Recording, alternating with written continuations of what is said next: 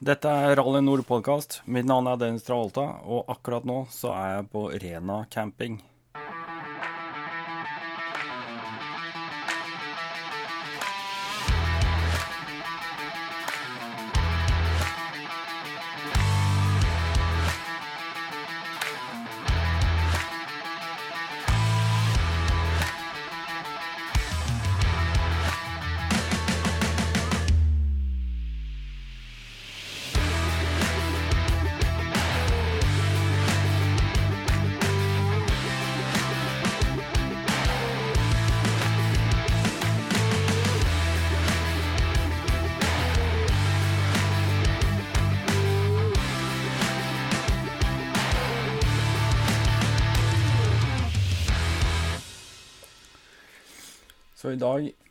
Dag er det 22. juni eh, 2021, og jeg har våkna opp i en campinghytte på Rena camping.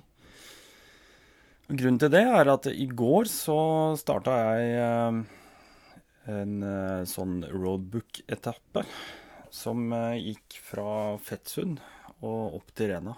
Den er eh, 343 km lang. Og med et par bom så ble den brått litt lenger også, men roadbook Altså, det her er jo ikke mm, Det er ikke akkurat sånn at jeg har veldig lyst til å fortelle hva, my, hva en roadbook er, for det fins mye mer kompetente folk enn meg. Men, men for de som eh, ikke vet hva det er, så kan man vel se for seg at eh, hvis man kjører rally f.eks., så har man i en bil så har man med seg en kartleser, og han sitter med en notatblokk. Og den notatblokka så har han kartleseren en del noter. Og de notene de leverer han til sjåføren, som vet hvilken retning han skal ta, og hvilken vei i kryss, og ja, en del sånne ting som er greit å vite, selvfølgelig, for en rallyfører som kjører i hundre og helvete. Men på motorsykkel så har vi jo ikke mulighet til å ha en uh, kartleser med oss, så da må vi ha noter der også. Uh, hvis vi ikke da skal selvfølgelig navigere på GPS uh, eller kart, sånn som man tradisjonelt gjør. Roadbook har jo vært brukt i rally. Eh, hvis vi ser for oss f.eks. Paris-Dakar, da, så, så, har kanskje noen sett motorsykler med sånne svære papirrullesaker foran, som ligger inni en boks. Og der er alle notene. Og nå fungerer det sånn at du kan enten få det på papir, eller så kan du få det digitalt, så du har liggende på en eller annen enhet. En tablet, en iPad, en telefon. Uh, you name it. Og det er det jeg har starta på nå. Um, men for at vi skal skjønne hvorfor jeg kjørte den i går, um, så må vi helt tilbake til i fjor, 2020. For det er egentlig der hele historien starter, for min del. I fjor, 2020, på et eller annet tidspunkt, så ble jeg invitert til en uh, gruppe eh, som heter Roadbook Sør-Norge. Det er en eh, Ja, det er vel en eh, lukket gruppe for så vidt, men eh, den er jo selvfølgelig til for likesinnede, eller folk som har lyst til å bidra og, og kjøre roadbook. Eh, så blei jeg invitert der og blei med. Så tenkte jeg å, jeg må jo ha en gadget. For jeg har jo ikke verken papirrulletrekker eller noe som helst. Så jeg kjøpte meg en eh, billig iPad. Monterte den foran, og så syntes jeg det var litt sånn klønete, for jeg hadde ikke noe ordentlig fjernkontroll. Og så Ja, det ene tok det andre. Hele året gikk egentlig, og alt kulminerte i at jeg ikke kunne kjøre Kjørte noe roadbook i fjor. Um, dette var jo veldig nytt for meg, og det var også sånn at jeg hadde egentlig ikke noe tid. Det blei Det, ble, det, det, det rota seg bort av seg sjøl. Men tidligere i år Uh, for noen uker siden så um, var det noe som heter også Rally Grenseland. Uh, og det er en fyr som heter Trygve Otto Skar, som um, på en måte snekrer sammen uh, noe som kalles Rally Grenseland. det er også roadbooks som går over et par dager. Og da fikk jeg lov til å være med på det, for da hadde jeg ordna meg litt ordentlig. Så da hadde jeg en uh, en, uh, en, telefon, en litt sånn svær Kina-telefon, sånn rugged phone, som jeg kan bruke til å ha disse roadbookene på. I tillegg så har jeg vært uh, så heldig at jeg har fått være med på å se en prototyp. Jeg har fått en prototyp av TTK Rally Eh. Som er en fjernkontroll eh, som styrer både Android og IOS eh, devices. Og TTK Rally kontroller, det er et helnorsk produkt. Thomas og Kjetil som har lagt sine to ingeniørhoder sammen og virkelig gått på tegnebrettet og laga en kontroller som er superbra. Ser skikkelig proff ut. Uh, så det er klart at når jeg fikk uh, en av de første prototypene der, og jeg fikk på plass denne Kina-telefonen min og braketter og holdere og alt sammen, så, så blei det bare enkelt. Da måtte jeg være med på Rally Grenseland, og så eh, var det så sinnssykt gøy.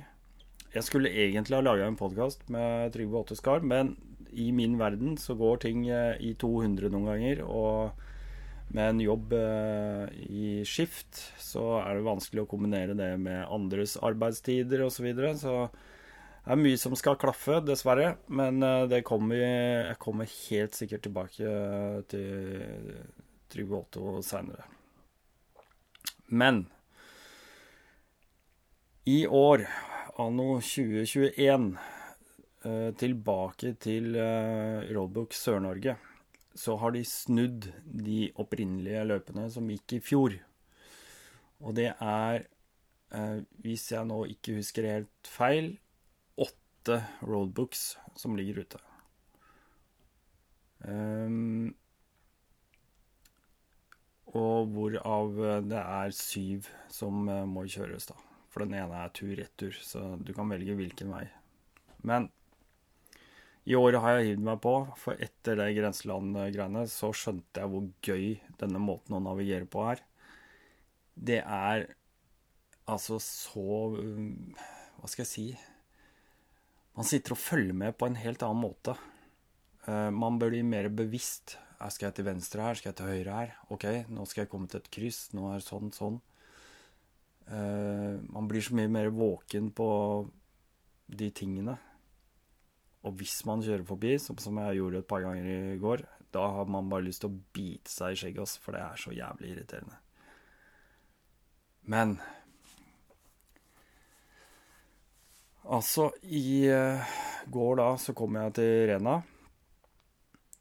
Og um, det har vært en sinnssykt kul tur. Jeg er helt aleine. Uh, jeg er med på et annet prosjekt også, som uh, gjør at dette blir bare så solid og moro, og det er uh, Twin Pegs. Det er Twin Pegs Kai Ingvald Flatland. Ingeniør. konstruktør og som har slått seg sammen med en uh, sleggemekaniker. Han er vel uh, kanskje det sjøl òg, han vil vel definere seg som det. Han er jo bonde og ingeniør og olje... Ja, jeg vet ikke alt. Han er bare en superkunstner. Utvikla en Twinpeg for 701 690 nå. Og der driver jeg og testkjører prototyp. Og jeg Dere får se på dette som reklame eller ei, men dette her er en del av turen min. Uh, og det å få teste ut sånne type produkter som uh, TTK, rallykontroller, uh, Twin. Det er bare super, super, superkult. Og um, det er så engasjerende å få lov til å være med folk som, som går hodet stups inn i ting, da. Og som uh, har gjennomtenkte ting. Nå skal vi ikke snakke mer om akkurat det, men uh, det er et produkt som, uh, som jeg føler at mange har lyst på. De kommer til å ha lyst på det. Men nå skal jeg prøve å pakke opp denne campinghytta. Det har regna som faen i natt. Jeg har med telt, egentlig, men jeg tok en hytte fordi at det har regna og regna tykt i natt. Og det er så kjedelig å ligge i sånn bitte lite Donald-telt når det regner sånn.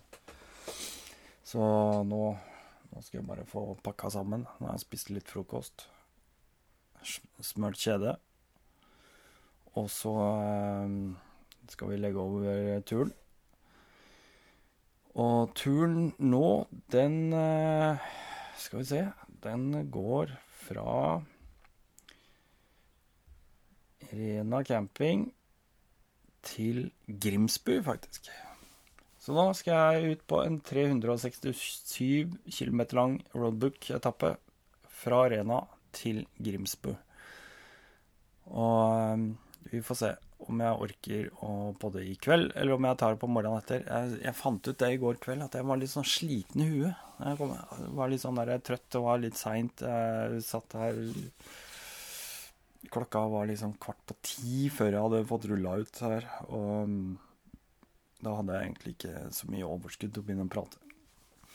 Så det spørs det om det blir noe prating i kveld om denne dagen, eller om jeg tar den i morgen tidlig, før neste avspark. Fordi jeg har nemlig en ukeferie, og den har jeg tenkt å benytte jævlig godt. OK? Så kan vi jo ta oss og nevne at uh, Før vi går over på neste etappe, mener jeg, kan vi jo nevne det at uh, patrons Vi har jo uh, patrons, og da må jeg bare få lov til å takke Frode, Rune og en nykommer, Tor. Takk skal du ha, Tor. Det var veldig hyggelig. Tre patrons.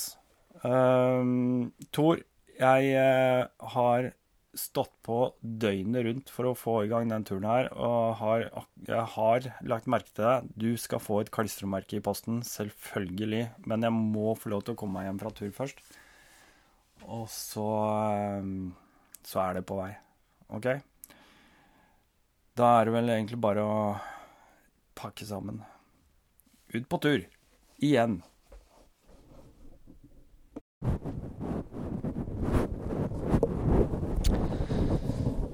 Så der. Da har jeg akkurat kommet ut eh, fra, fra restauranten, kafeen, kafeteriaen på Grimsbu eh, camping. I dag har turen gått fra Arena til Grimsbu. Det har vært eh, en roadbook-etappe på 367 km. Og jeg må bare si at uh, om ikke den første delen fra Fettsund uh, og til Rena var bra, så er i hvert fall ikke denne dårligere. Den var uh, den, det, det, var virkelig noe, altså.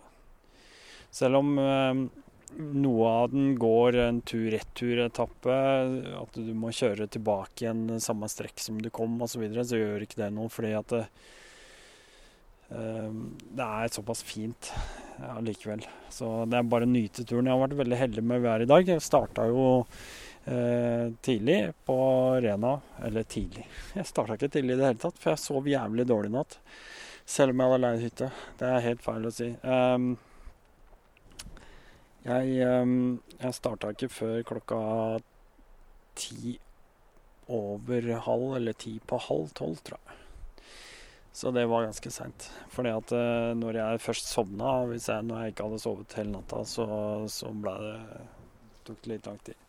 Men Starta i litt sånn eh, duskevær, litt sånn småregn og ganske kaldt. Og sånn 10-11 grader, liksom. Det var ikke noe særlig. Men utover dagen så bare åpna Da kom den blå himmelen fram og sola og Hatt en sånn 15-16 grader.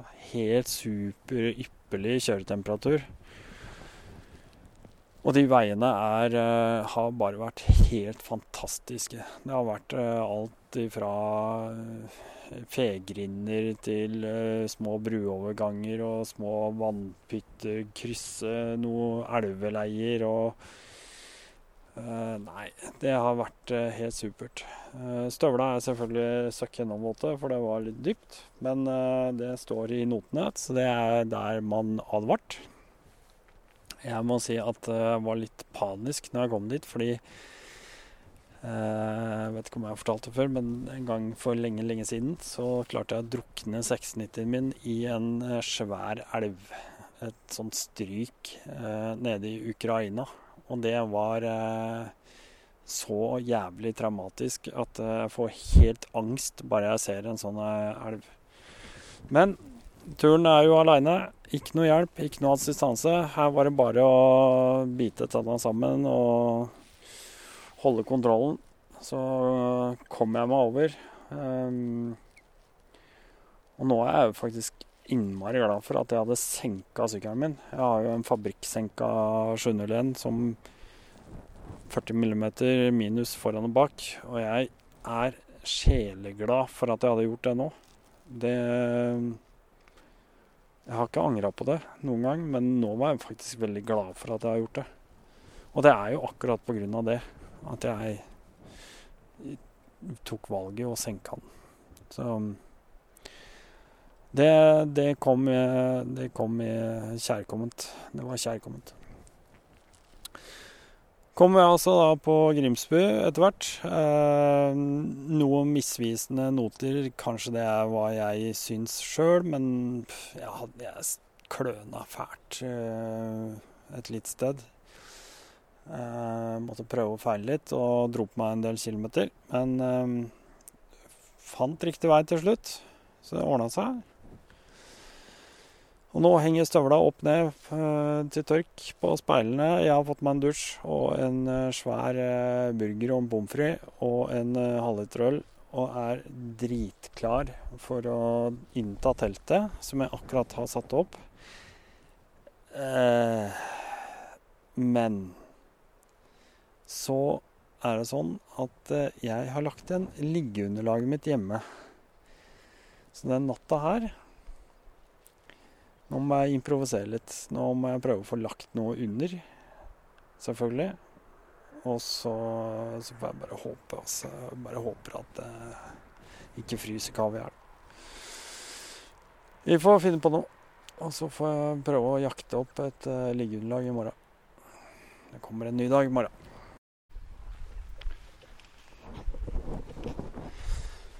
Ja ja, da tar vi en kort oppsummering. Eh, Grimsby i går kveld eh, var dritkjapp. Fikk opp telt og la inn eh, Nei, bare rydda av, slo opp teltet. Løp bort eh, i kafeteriaen og fikk meg en burger før de stengte. Tusla tilbake til teltet og begynte å pakke ut eh, alt det mikmak jeg skulle ha, sovepose og sånn. Og da mangla jeg selvfølgelig liggeunderlag, som sagt. Det har vært eh, kaldt. Eh, litt kaldt i hvert fall. Og så har det vært jævlig vondt.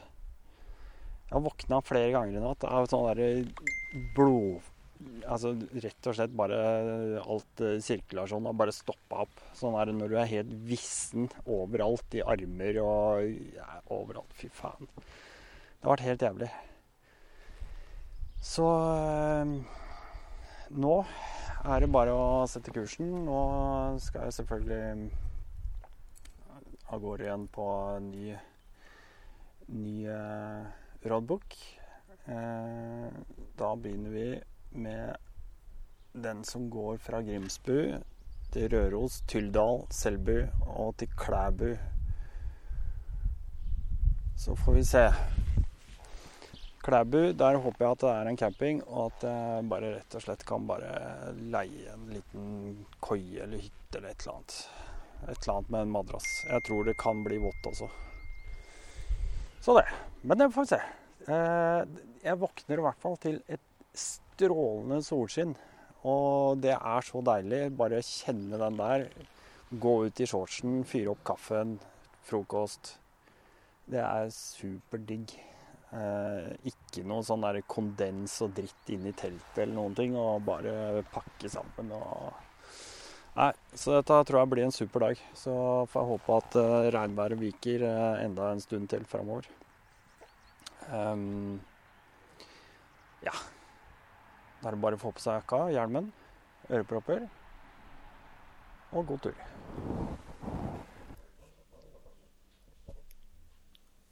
Oi, oi, oi, oi. For en fantastisk dag dette har vært, ass. Jeg har vært en eh, Jeg kjørte fra Grimsby i dag og starta med knallbra vær.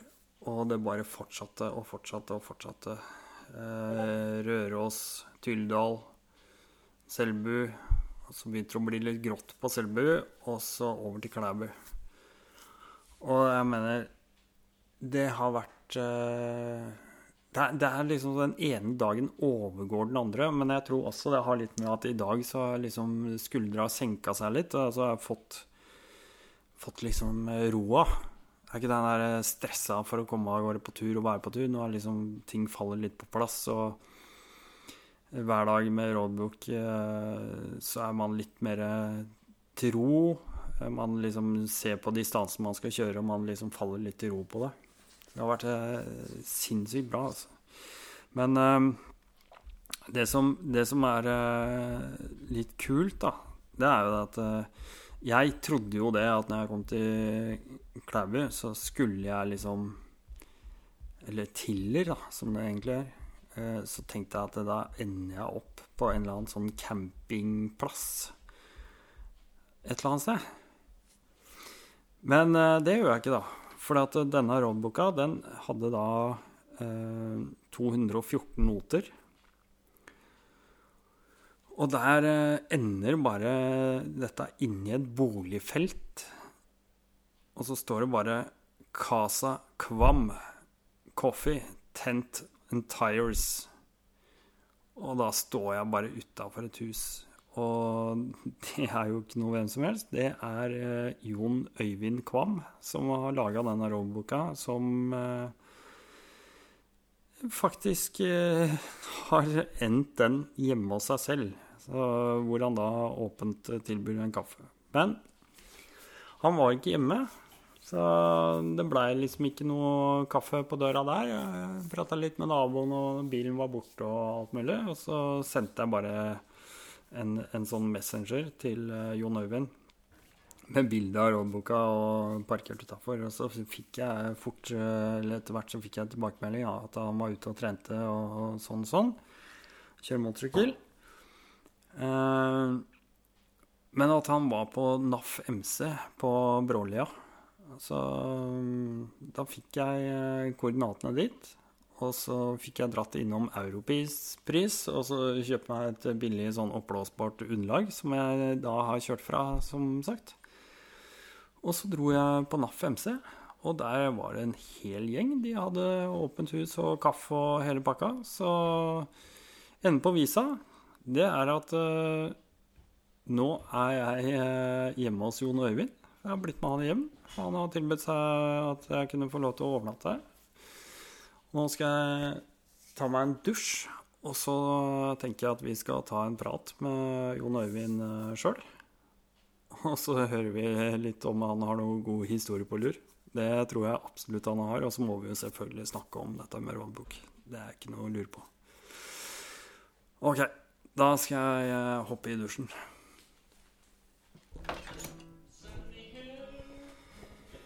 Sånn. Da har jeg fått tatt meg en dusj. Da er det bare å stikke ut i stua. Her sitter Jon Øyvind i en eh, eim av uh, ihjelstekt pizza som vi klarte å svi i ovnen her i stad. Men han er i full gang med musikk. Musikalsk fyr, altså. Det er eh, kule greier. Halla! Hei. Ren og pen. Ren og pen. Det er deilig. Litt møkkete, samme T-skjorta og sånn. Ja, men det er sånn bare det skal være på tur. Ja, det er helt supert. det er toppers. Faen, dette var eh, sider eh, Er det mange som vet at du Nei, jeg spi, spilte i band da man var 15, Ja, så man har jo ikke slutta Det sitter jo fortsatt i fingrene. ja det var kult. Det var kult. Det er lysten er der. Du, det er svidd pizza i lufta her. Ja, det er svidd pizza. Okay. så er det svidd pizza her. Den faktisk eh, jeg har litt igjen. Ja, vi tar den over. Ja, vi tar den. Så har vi snittverdien. Er. Vi får sette oss ned etter hvert. Ja. Vi. Kjører vi. Ja da. Ja, ja. Hei, Jon Øyvind. Da har vi eh, inntatt en godt stekt pizza. Godt kremert pizza. Velkommen hit. Takk for det. Takk for det. Du, jeg begynte introen her litt med hvordan jeg bare plutselig sto i slutten av rådboken på, ute på gårdsplassen din her. Og bare 'velkommen til kaffe'. Og at jeg endte å møte deg borte på NAF. Ja. Og det var jo superkult. Eh, Blitt tatt inn der og sånne ting. Og så ender jeg jo opp her, da. For jeg spurte deg veit dere om et eller annet sted jeg kan pitche telt. Så ja, sånn var det. Så hadde vi sett værmeldinga. Jeg hadde sett værmeldinga. ja. Det, det takker jeg så ydmykt for. Du, den uh, rådboken jeg har kjørt i dag, den uh, var helt glimrende. Det må jeg bare si. Tusen takk. Uh, Yes. Ikke bare veien og føre og været, men eh, altså Stedene jeg har vært på, de har vært eh, av noe av det virkelig bedre Norge har å by på, mener jeg. Jeg snakker om å komme til sånne eventyrplasser hvor hele bygda liksom består av gammel laft. Altså hvor, hvor liksom det, det er akkurat som du kjører gjennom 1750-talls eh, sted. Altså, det er merkelig. Du gjør jo det. Ja, men du gjør det. Du, du gjør faktisk det. det. Helt sprøtt. Det finnes fjøs som er fra 1600 og Ja. et eller annet Ja. eh, i det der stedet. Fantastisk. Og du hadde en eh, Jeg hadde soloppgang Ja. over Iasten. Du hadde sikkert sola i ryggen. ja, er det er, Fjellpartiet før du er i den dalen. Ja. ja. Så det er jo den dalen på venstre side av elva. Mm. Ja, der, ja. Har du bilder? Det var fantastisk. Det er- jeg, jeg kommer til å legge ut noen bilder derfra på Instagram. Der jeg kommer til å se på. Er, men du har jo forfatta denne rådboka. Mm. Blant annet. Sikkert eh, mange flere òg, for alt jeg Ja, er jo Sikkert en hel haug. Men eh, du må jo virkelig ha gjort deg lommekjent med å kjøre rundt og liksom være på tur, da. Ja, det hjelper å ha fotografisk minne. Ja, du har det? Ja. Ja, det hjelper. Ja, for, eller, Der er jeg misunnelig. Det- det- ble misunnelig med en gang. Det hjelper veldig, for at du, da husker du den brua. Men, Ja. men jeg har blitt flinkere til å ta, den, ta det snapshotet i, i, i hodet. Mm. At du sånn ah, den her, her må jeg lage en note. Ja. Sjøl når det er bare Ja. guttetur. ja. Så er sånn Ja, to, to stolper på hver side og en eh, hus. Du bygger tulip i Den har du Ja, i huet? ja det er autisme. Ah, shit. Vet du hva? Jeg var så fascinert av den robboka. For det er som du sier, jeg kommer da til en note, og der ser jeg liksom Ja, her er et skilt på høyre side, eller her er det en eller annen strømmast eh, sånn og sånn, som er veldig sånn billedlig forklart, selv om det er bare en skissetegning jeg går etter. Og, det, og det, så har jeg sittet og tenkt at det, fy faen Han som har lagd det her, han har drevet og kjørt, og så har han stoppa, og så har han tatt fram notatblokka, og så har han skrevet Og så sitter du bare med det i huet. Eh, Google, Google, eh. Google, Google Maps Ja. har vært mye av det plasset. Ja, ja, Men Fòrhøsteren, for eksempel, ja. der eh, stemmer. Der, der står det. Så det, det har jeg uh, Når du får en uh, Kjørt litt med Google-bilen, og så Ja. var det opp skogen her. Ja, stemmer! Ja. Der var det to kjappe Ja, høyre ja, og ja. inn i over en bekk. Ja, utrolig kult. Så det Men ja, man har kjørt Man er godt kjent i Trøndelag. Ja, ja, ja. Og Grimsbu fram og tilbake, opp og ned. Så det, man blir jo tatt med på en del turer, og kjører først en del turer. Mm. Og da blir du godt kjent. Men jeg tenker vi må utdype litt. Jeg har prøvd å prate litt om hva er roadbook for noe egentlig. Fordi jeg har, jeg har fort, sånn raskt oppsummert, så er det liksom istedenfor kartleser, så har vi bare en rull. Enten en papirrull, eller vi kan scrolle digitalt og se på masse noter og sånn. Men eh, hva, hva er forskjellen på en roadbook og en GPX-fil? Sånn som du vil beskrive det. Jeg har aldri kjørt etter GPX-fil. Nei, Aldri. det trenger jo ikke du. Nei, jeg har, men, jeg, ja, men jeg har norgeskartet over eh, det området jeg kjører i. Ja. Eller svenske topo, eller Ja. sånn. Så ser du ja, men her går det, ja, her går det inn. Da må du ta deg tida til å zoome inn. Ja, ja. For det, men eh, forskjellen er at du har Du må vite hvor du starter, og derifra er utgangspunktet. Hvis du da mm, du, du har ikke noe kartverk rundt, Nei. så du kan ikke hjelpe deg med å liksom eh, Du kan jukse da hvis du har et kartverk sammen med så, sånn, Ja. Så kan du jo se at ah, det må være den veien der som går gjennom videre. Ja. Det prøver man jo ikke å gjøre. ja, det er litt juks. sånn, ja, det er litt juks. Og man er prøver liksom å um, utfordre seg sjøl på den. Ja. Kjør tilbake til det kilometertallet der du Mm. visste var null still eller still trippen, og så kjør tilbake igjen. Mye større utfordring enn å se på kartet. Å ja, vi skulle to tilbake der, og så en eh, Vi bomma på forrige eh, sånn. Ja. Så jeg liker den der eh, konsentrasjonen det krever. At du må følge med litt. At det er en utfordring. Ja. At du må jobbe med Det- ja, altså, det du å- må jobbe liksom med Det å ha evnen til å få til det der. Ja. Det er en god Jøss, det her fungerer. Det Ja, som du sier, kilometertallet stemmer, og det, du ser at det uh, Ja, der kommer den neste noten. Ja, da, da Men jeg tror det, jeg tror det treffer noe, altså. Ja. Akkurat det der. For det, det der å sitte og hvile på en GPX-fil, det er noe alle kan. Alle kan bare laste ned f.eks. T-løypa, og så er det faen meg den eneste stedet du gidder å kjøre. Det er den der T-løypa. Ja. Og, og det ser jo, det er jo derfor alle poster disse jævla bildene fra Råtneblikk, for eksempel. Ikke sant? For det, Ok, men uh, det har jeg gjort òg, bare så det er sagt. Jeg er ikke, jeg er ikke aleine. Men um, det, det, det, det blir en hvilepute i, i større grad. Men så aner du ikke hvor du er. Nei. Du kan se et Nei. skilt med Ja. Odal, ja. men Jeg vet ikke. Du, du aner ikke hvor du har vært. Nei, altså jeg er, jeg er jo så svak. Jeg har jo en teflonskalle. Altså seriøst. Altså jeg husker jo ikke stedsnavn eller noen ting. Altså jeg veit om jeg har vært der eller ikke. Ja. Men jeg husker jo ikke navnene på de stedene jeg har vært. Nei. Det gjør jeg aldri. Så jeg kan være hvor som helst, jeg.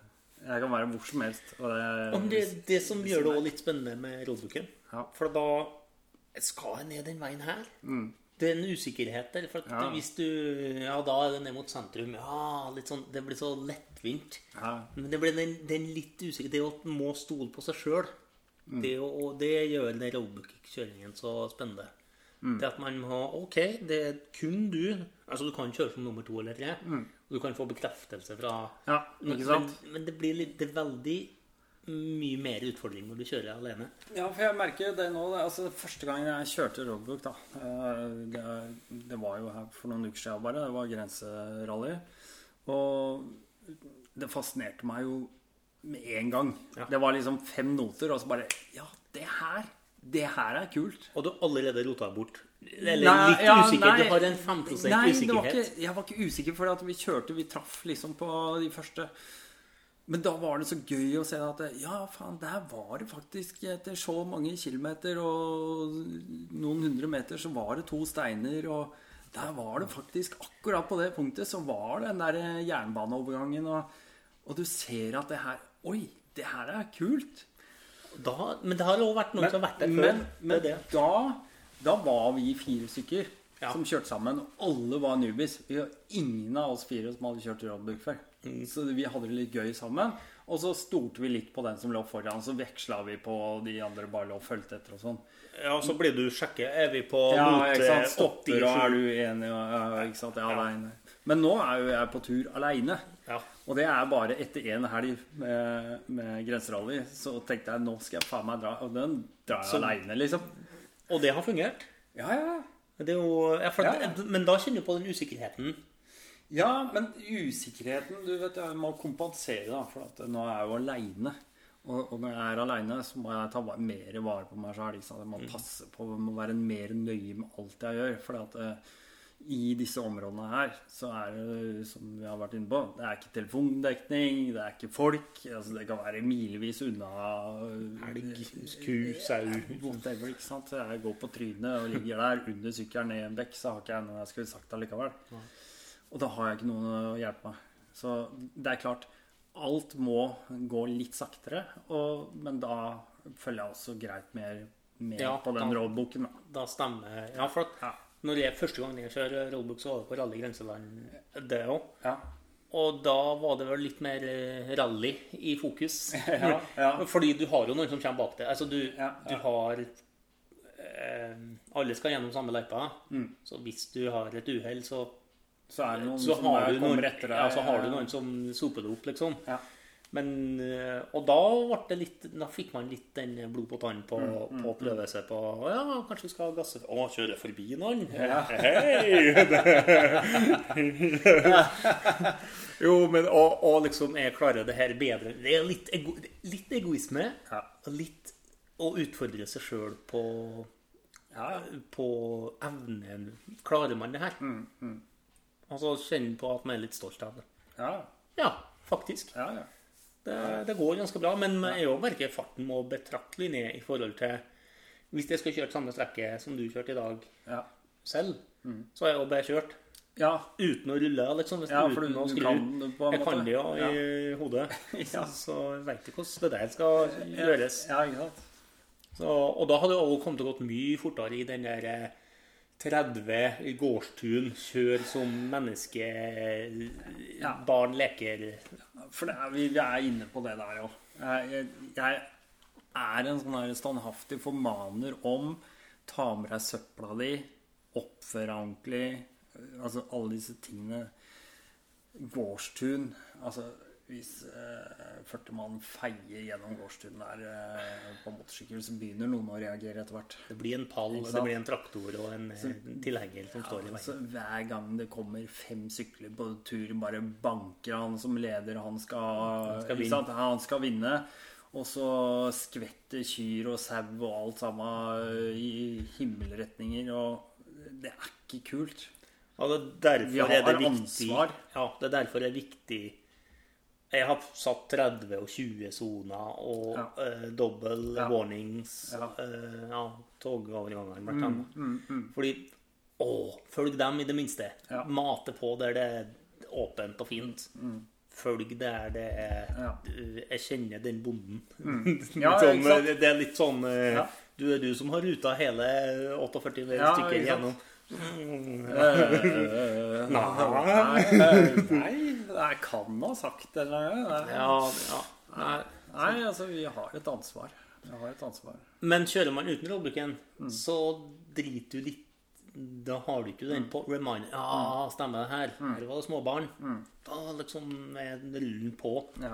For du er godt flyt, du ligger Men altså, alle vi er jo litt forskjellige som mennesker. da. Ja. Noen, noen er jo hard gass hele veien og skal ha tynn, smal sykkel. Og, og liksom, mens andre er vel kanskje mer fornuftige. Så vi er forskjellige, da. Ja. Men eh, jeg er helt enig. Der hvor det står markert at du skal kjøre sakte, så kjører du sakte. Ja, det, og man Jeg veit jo jeg har synda på det her i befaringen for i fjor, for eksempel. Så Mm. var det sånn gjennom Ja, her var det greit, det er ingenting å det Der kommer brua? Ja, men det var et gårdstun her, Ja. mister. Husk på det gårdstunet. Og det er litt den fotografiske Da lager jeg meg Mm. Ja, det var det, eh, elghund. Svart elghund-noten Ja. som var i fjor. Ja. Det er det gårdstunet. Det var liksom 40 meter unna. Men elghunden kom hver bidige gang jeg kjørte forbi der. Akkurat. Og det er sånn, ja Og der fres det gjennom iallfall to ganger først. Ja. Og det er sånn Ja, det Nei, Det, det kommer det er smekk eh, på tanke, og ja. det er litt sånn Det er dumt, for det kommer 40-50 Mm. flere bak det utover hele sommeren. Heldigvis utover hele sommeren. Ja. ja, det er spredd utover. Så at ikke liksom eh, Mm. Den helga her kommer det 250 stykk. Mm. Så det er jo et poeng. Men eh, selve det å lage rollbooks, altså når er du eh, på en måte blei eh, tent på det? Altså, når begynte du med det? Det var kanskje Jeg har jo laga en del sånn for meg sjøl Ja. eh, før, men det var i fjor. Da hadde begynt den eh, korona-edition i fjor. Ja. Så en dag tok kontakt med meg. Du, har, har du noe oppe i Trøndelag? Å oh, ja! Hello! Jeg kan alt. Jeg kan alt. Jo, jeg har jo vært overalt, men det selve det å lage dem og drive og Det er noe annet å kjøre sine egne. Mm. Det er bare en repetisjon. Ja, ikke sant? En repetisjon av en rute du har kjørt før. Ja, og du har Å ja, vi tar av til høyre. Jeg har prøvd å Ja. lage noen Ja, små ja. sånn justeringer fra normalløpet. Ja. Men eh, ja, det begynte kanskje det å liksom produsere litt, lage dem Mm. sånn. Og det er jo litt sånn Det er litt sammen, men Men vi må, vi må bare ta det med en gang. Før vi snakker om hvordan vi lager en roadbook. Hva er det du, vi, du lager jo dette i et program på Ja. en PC eller en Mac. eh, ja, det er en webside. Det er en webside. Ja, Rally Navigator. Eh, Rally Navigator. Og da er, bare lager du din egen profil, og så kan du egentlig bare Begynner. Begynne. Jeg tror det er gratis. Du kan lage veldig mye gode roadbooks for, uten å betale. Mm. Jeg har betalt inn for å Du får med cap, altså GPS-headingen. Ja. Du, det du betaler for mer info på Ja, riktig. Akkurat. Så Så, jeg har jo er kjøpt min sånn forskjellige pakker, da. Ja. Altså, hvor mye info du kan dytte inn på ja, en roadbook. på om egentlig. du kan editere den ja. tulipen, Mm. eller om du må bare leve med de standard Ja. Et mindre sett av informasjonsmuligheter. Da. Ja, for da vi må ta Hvis vi fort skal bare nevne infoen du får, da. For det første så er det antall kjørte kilometer fra start. Fra nullpunkt. Fra nullpunkt. Det er jo det vi hele tida forholder oss til. Og så er det da et lite felt som eh, går på avstand mellom eh, hver note. Og så har vi uh, notenummer. Dette er, står i en rute, venstre side. Og så har vi et midtfelt, og det er den som du kaller tulip. Ja.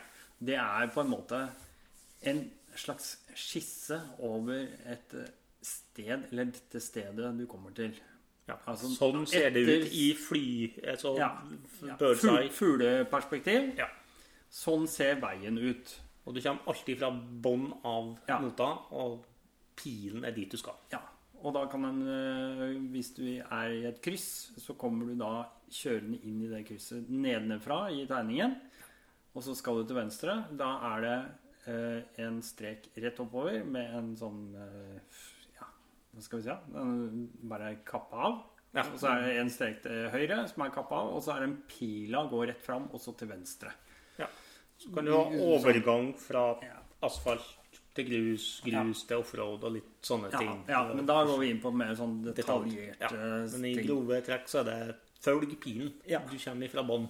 Og så har du i eh, høyre felt så har du da eh, grader. Altså da er det Course over ground, eh, egentlig. Ja, ikke sant? Så med en gang du har f.eks. sving til venstre, så skal retninga di være f.eks. 135 grader. Ja. Eh, sånn kompasskurs, da.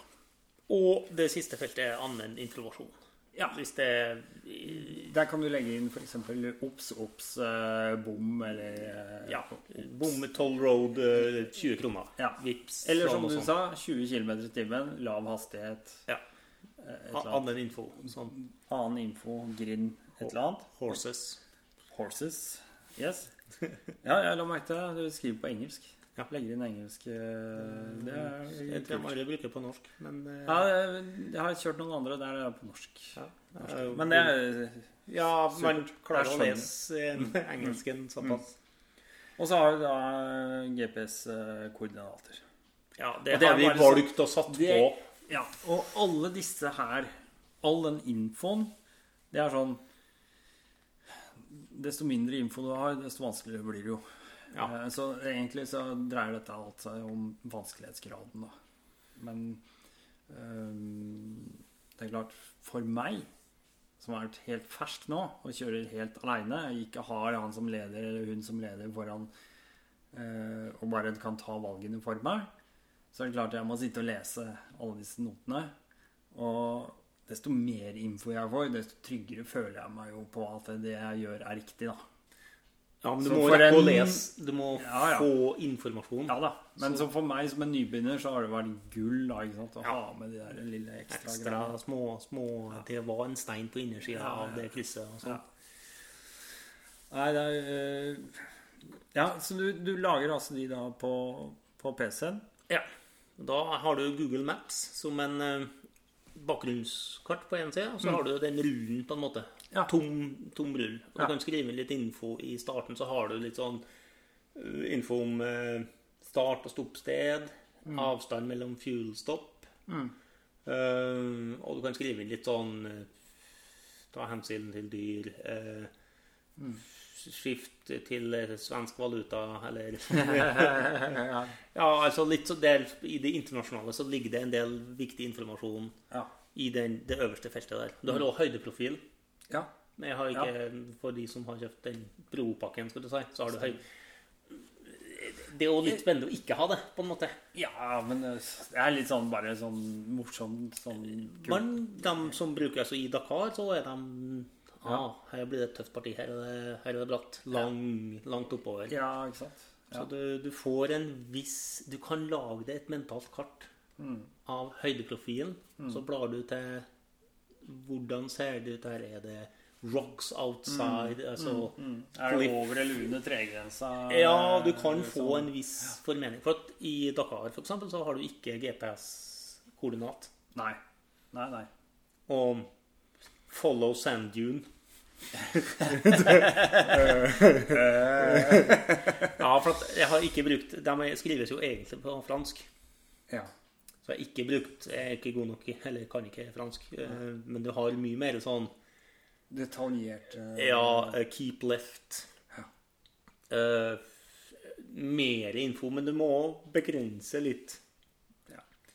Det blir for mye å lese for oss som er normalt, for vi setter oss ikke ned og Nei. tegner en rød strek. Nei. Her er det tricky, for det gjør de proffe. Mm, ja. De drar fram den papirrullen. Ja. Så OK, her er tre noter som du tror det er tre noter som Mm. Er tett sammen.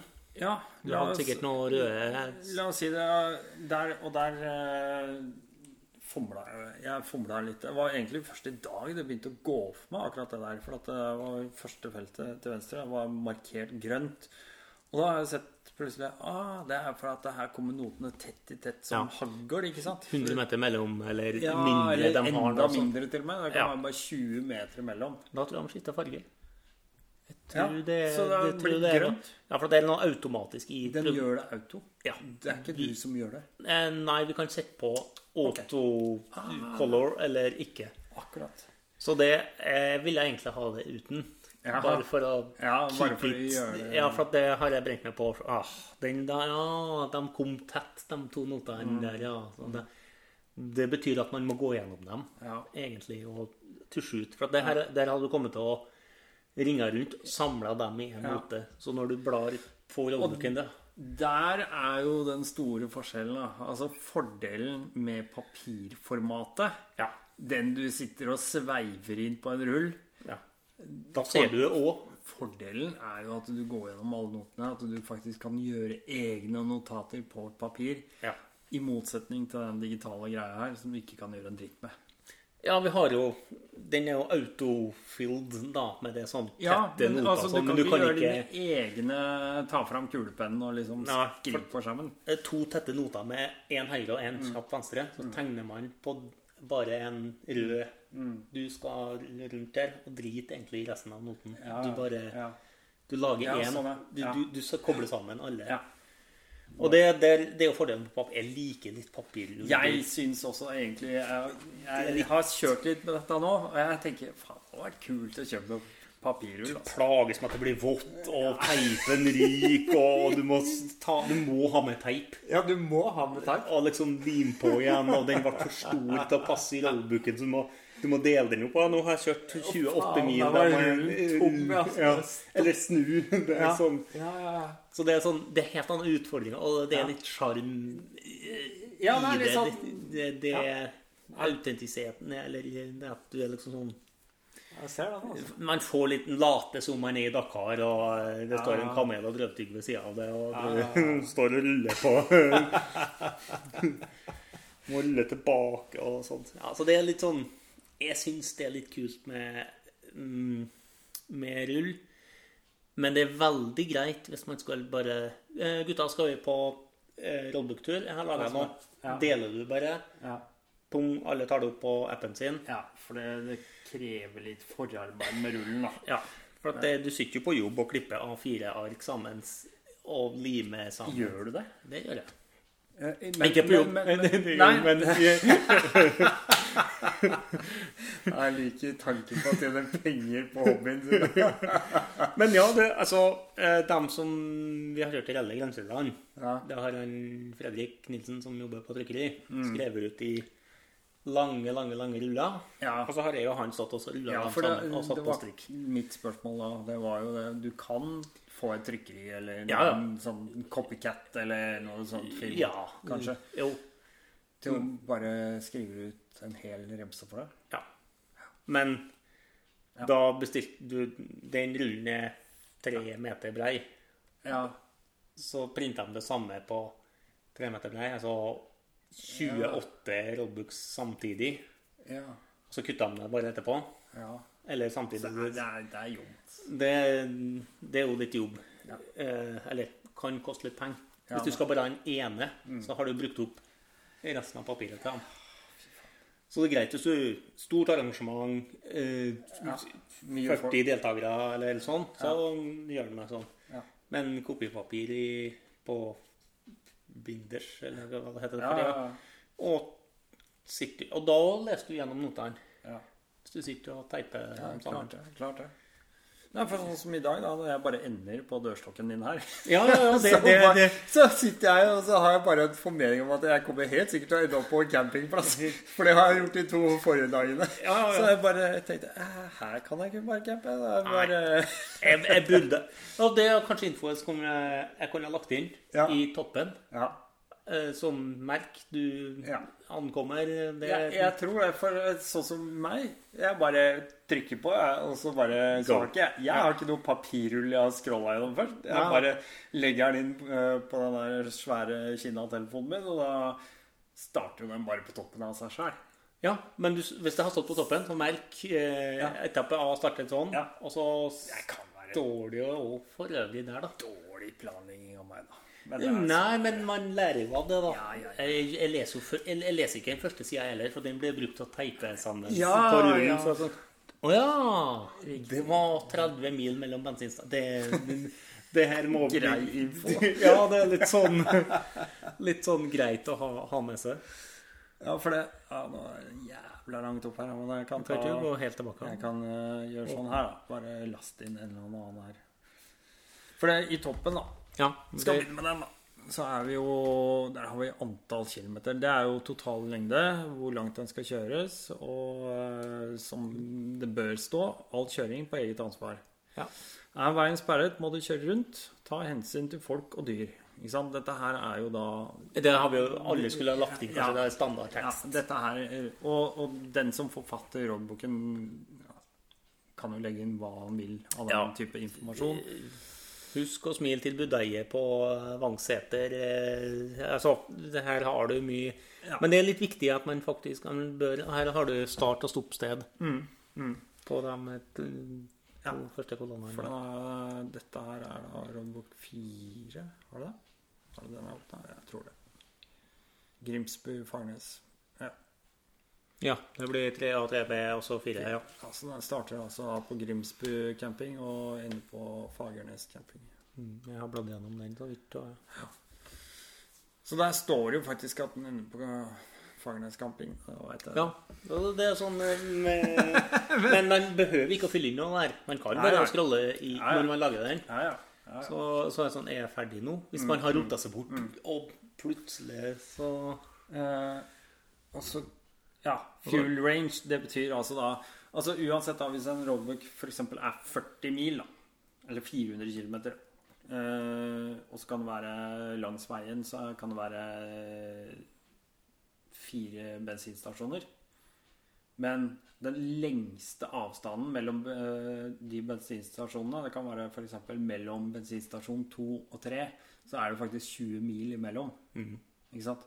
Da er det den infoen som ligger her. Det er Ja. da fuel range. Det kalkulerer en ifra Ja.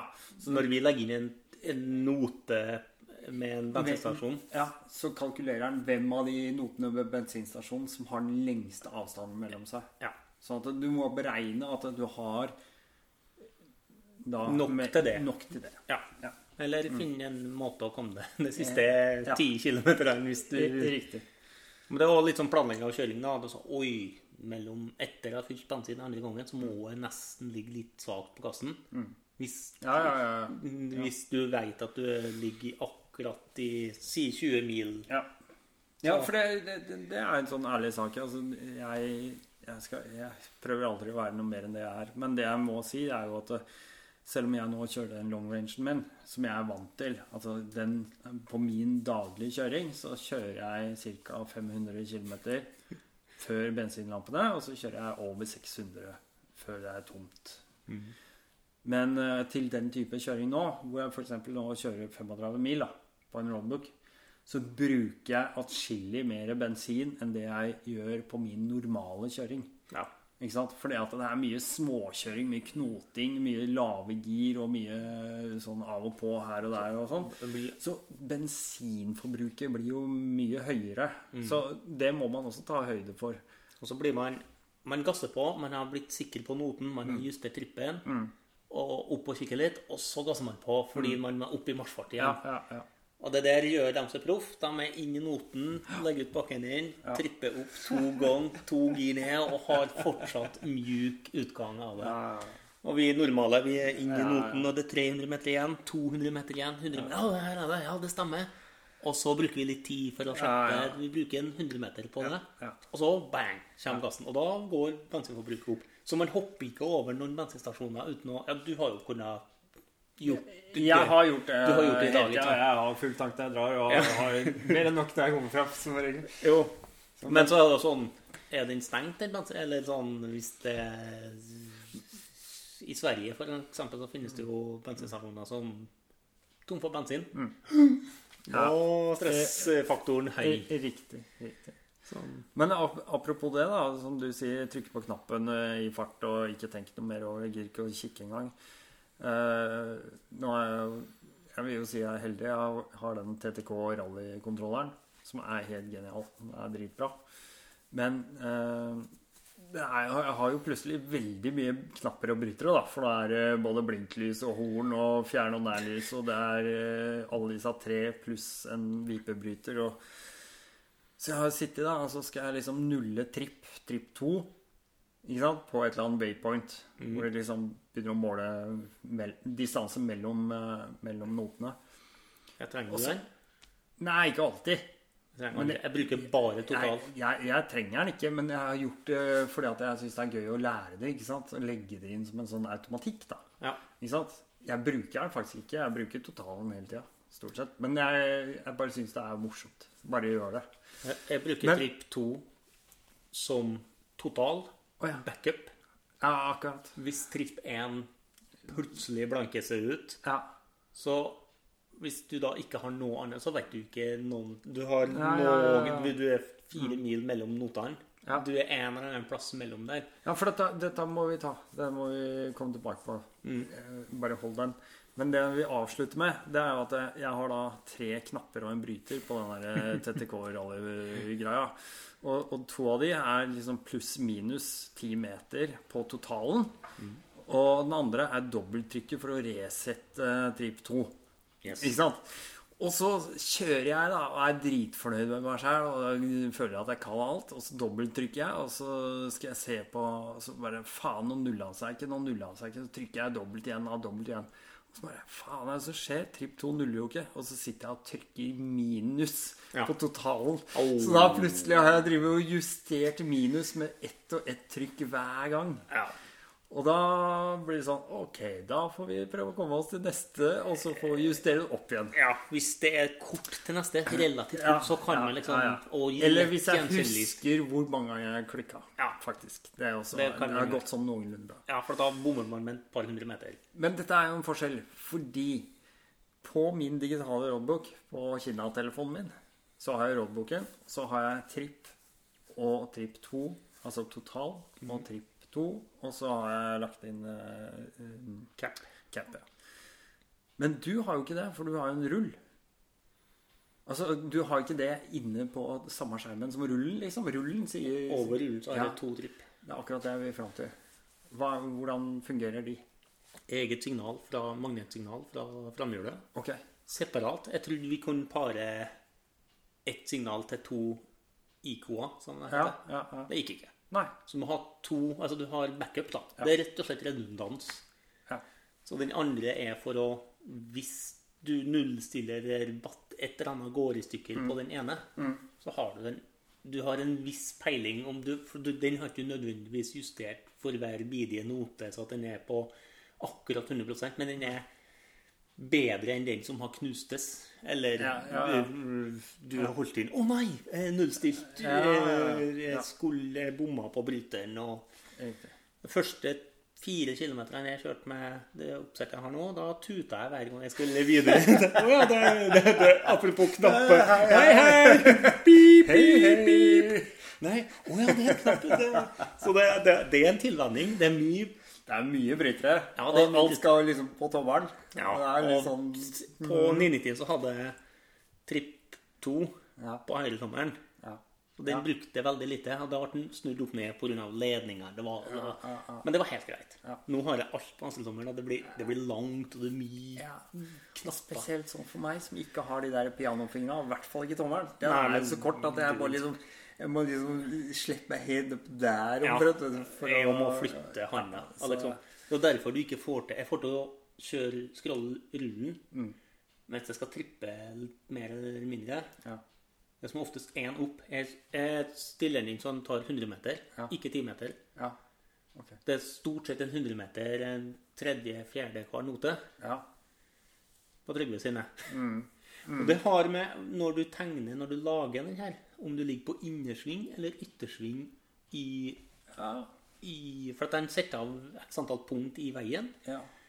og så regner den avstanden mellom hvert enkelt punkt. Hvis du da tar bare innersvinga, bare, ja.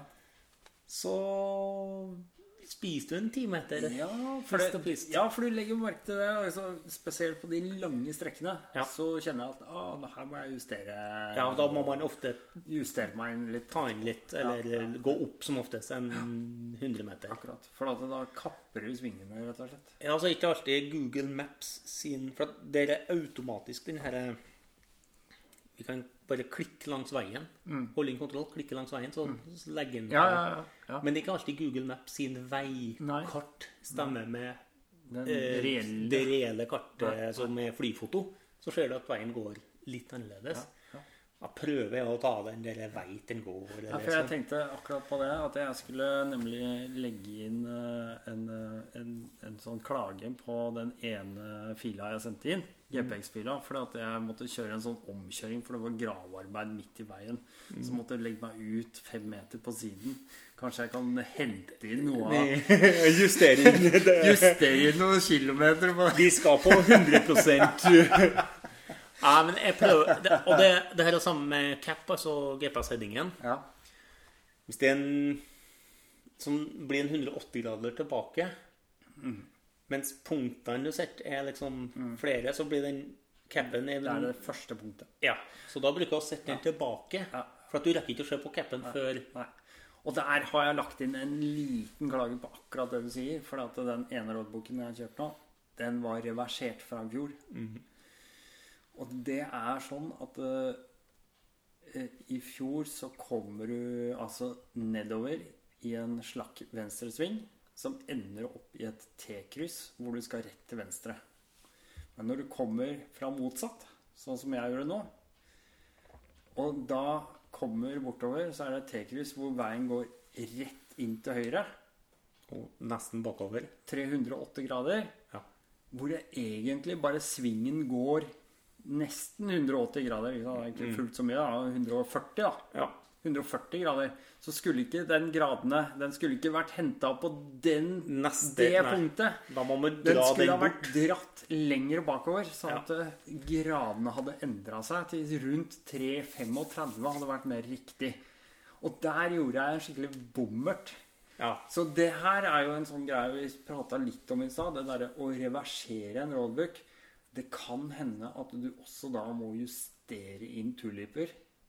E- Endre litt på dem. ja. Det å tegne Faktisk. dem om igjen Ja. sånn. Du- Det, det er Altså, den jeg laga Alle dem jeg lager, lager jeg fra nytt. Fra scratch igjen. Det er litt tungvint i programmet å endre. Hvis du skal ta en ti mil bort og flytte OK, da tegner jeg alltid på nytt igjen. Ja, ja. For da Ja, jeg har lyst til å beholde de første 20 mila. Det, det er litt langt. Men eh, den 3B her nå, den tegner jeg på nytt igjen. ja. eh, helt fra herifra. Fra ja, ja. Huset her. Fordi du har sånn autoruting. Mm. Den er veldig kurant. Men hvis du skal flytte 200 punkt, Mm. så er det ikke autoruting. Nei.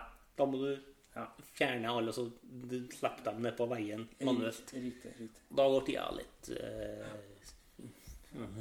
Eller så må du fjerne endepunktet og så la den rute sjøl. Nei, jeg, jeg, skal, jeg skal lage roadbook sjøl også. Men, eh, men først må jeg bare ja, finne noen kule veier. Og så må jeg begynne å forske litt på det. Det kan være ting fra jobb. Ja, ja, ja. ja bare for, å begynne. Bare for å begynne, ja, selvfølgelig. Det verste roadbook-kjøringen er i by. Det skal jeg Rundkjøring, og så er det til høyre, og så har du hus, hus, hus, hus, hus. Det skal jeg lage. Ja. Kanskje skal skal gjøre det. Orientere det Ja. Robok Oslo. Start fra Slottet. Robok Oslo. Ta en Eli Hagen ned trappa. Sveigårds gate 28 fra Ja. Slottet. Ja, ja. Det kan- ja, det- blir dritbra. Ja, for det, det, det er vanskelig, for i, i naturen så har du en back, du har en li- kraftlinje eller en topp, fjell, gran, et eller annet. Men i by så har du hus, Mm. togskinner kanskje. Det, det, Jeg merker bare å lage en rundkjøring og tre krysser borti her, liksom. Det- Nei, men altså, i Oslo så er det jo gravearbeider og omdirigerte og stengt og Nei. Det, men, men altså, ideen er morsom, da. Det er veldig gøy. Jeg, ehm, jeg tenker liksom at nå i morgen skal jeg kjøre tilbake til Grimsby. Og det blir eh, Nå ser jeg på værmeldinga fra time til time omtrent. Altså det kommer til å øse ned i natt, vet jeg. Men eh, det ser ut som det skal være klart fram til godt utpå eftan i morgen, i hvert fall. Ja, men da har du, hvis du starter litt på morgenen, så Så har du tid. jeg tror jeg skal satse på det. Og ti grader og overskya, det er det beste vi kan håpe her i Trøndelag. Eller det er jo fin Ja, det er Fin fin, kjøretemp, det også. Så det, er det. Det er helt supert. eh, ok. Det blir pene parti i morgen. Mm. Tidlig på dagen så blir det pene parti. Så er det På lovlig vis, fornuftig vis å sende 50 mennesker, så er det, blir det en del asfalt. Hvis, fra, Mm. Ja, ja, ja. Fordi det, det er Ja, asfalt, og det så jeg litt av de andre og hadde det samme problemet. Ja, ja, ja, Så klart det finnes sikkert en eller annen kjerrevei bak i- Nei, men uansett da, så har jeg kjørt mye, mye mer eh, veier som ikke jeg til nå men da i hvert fall har vært flink nok til å leite opp sjøl. Så eh, det ender jo ofte med at hun bare tar asfalt. eh, For min egen del, mange steder. Jeg gjør det. Men jeg, nå bor jeg i Oslo, Ja. og det er et helvete, ikke sant? Jeg kan ikke bare kjøre to minutter, og så har jeg en eller annen grusvei. Ja, det, det, Det- har jo fordelen her. Ja, sånn sett, sånn, sånn er det jo mange som bor i Norge, da, at de har eh, grusveien bare rett utafor døra omtrent. Så dessverre så er ikke jeg så Nei, altså Da har du et da- dekkvalg fordi man kjører en 80% på asfalten, Ja. og kostnad, en dobbelt sett med felger Ja. Uh, ja.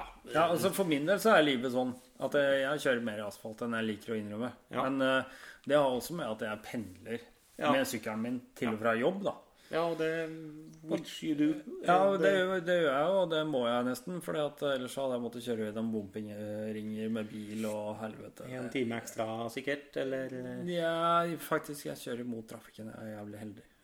Jeg kjører helt stikk motsatt av trafikken. Jeg skal ut av byen, og andre skal inn, og omvendt. Ja, ja genialt. Ja, det, Så det er egentlig helt supert. Men allikevel, ja, det er jo bil, tross alt. ja. Det ja, ja. Men du skal vel eh, kjøre mer og lage mer roadbooks uh, framover, tenker jeg? ja. Det er vel planen. Jeg, jeg tenkte jeg skulle ta den samme runden som du. Ja. Eh, Jeg begynte å se litt og begynte å summere litt til hvor langt de var til sammen. da. Mm. Det er jo nesten en dagsetappe hvis man eh, legger dem sammen alle i en smell. Alle? Alle, ja. Én dagsetappe? ja. Da må du opp om morgenen. Da, Eh, du vet eh, hvor langt det er, eller? ja, det var rundt et par hundre mil. Ja. Ja. Eh, 2500 drøyt kilometer. Ja.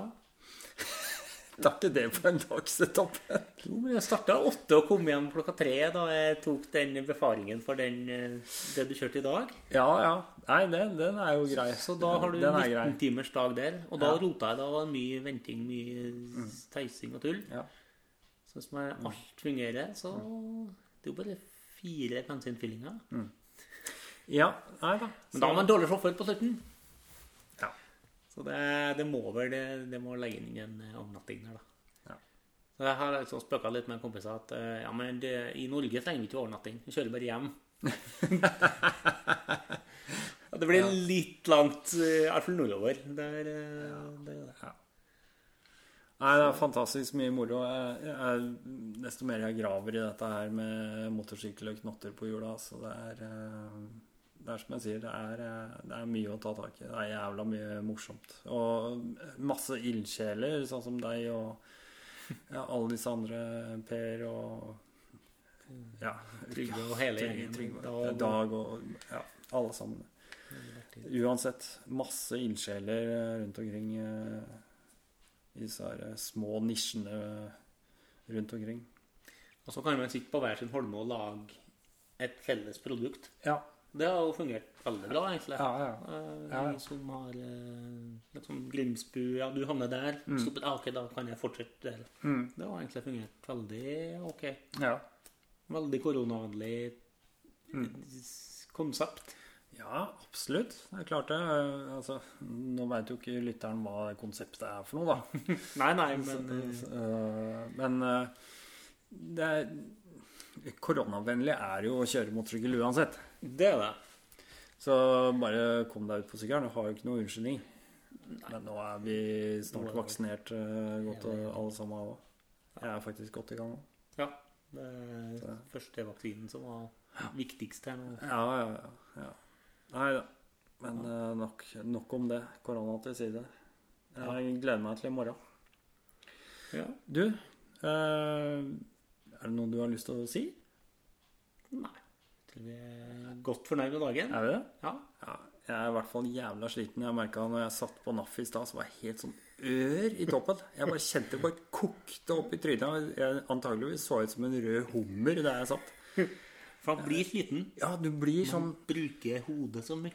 Ja, og så, som du sier, når det går en times tid, Ja. og så bare lar allting bare synke, så bare akkurat som det bare vibrerer i kroppen. Er sånn Og da kjenner man på at da skal man være ferdig med oljeskiftet ja.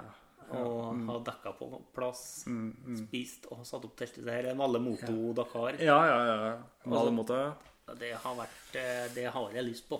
Jeg har en drøm om Jeg har en drøm. Dette er en drøm. Jeg blir helt sikkert ikke realitet, men hvis det blir en realitet, så blir det en eh, episode eller fem. Men eh, det går et rally i Karpatia. Den har jeg lyst til å kjøre. Ja. Jeg har lyst til å kjøre altså, et eller annet i Europa.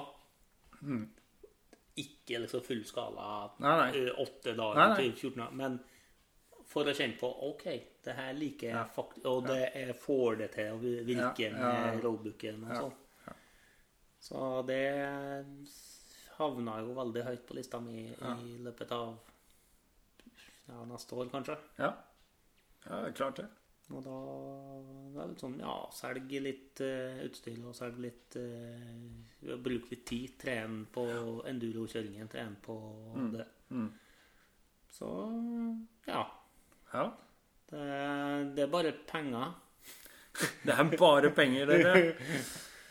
Åh, tenk deg. Skulle hatt mer. Men uh, sånn er det ikke alltid. Du, jeg bare sier takk for i dag. Ja, takk for at du kom. Det var bare hyggelig å, få lov til å komme her og spise pizza med deg.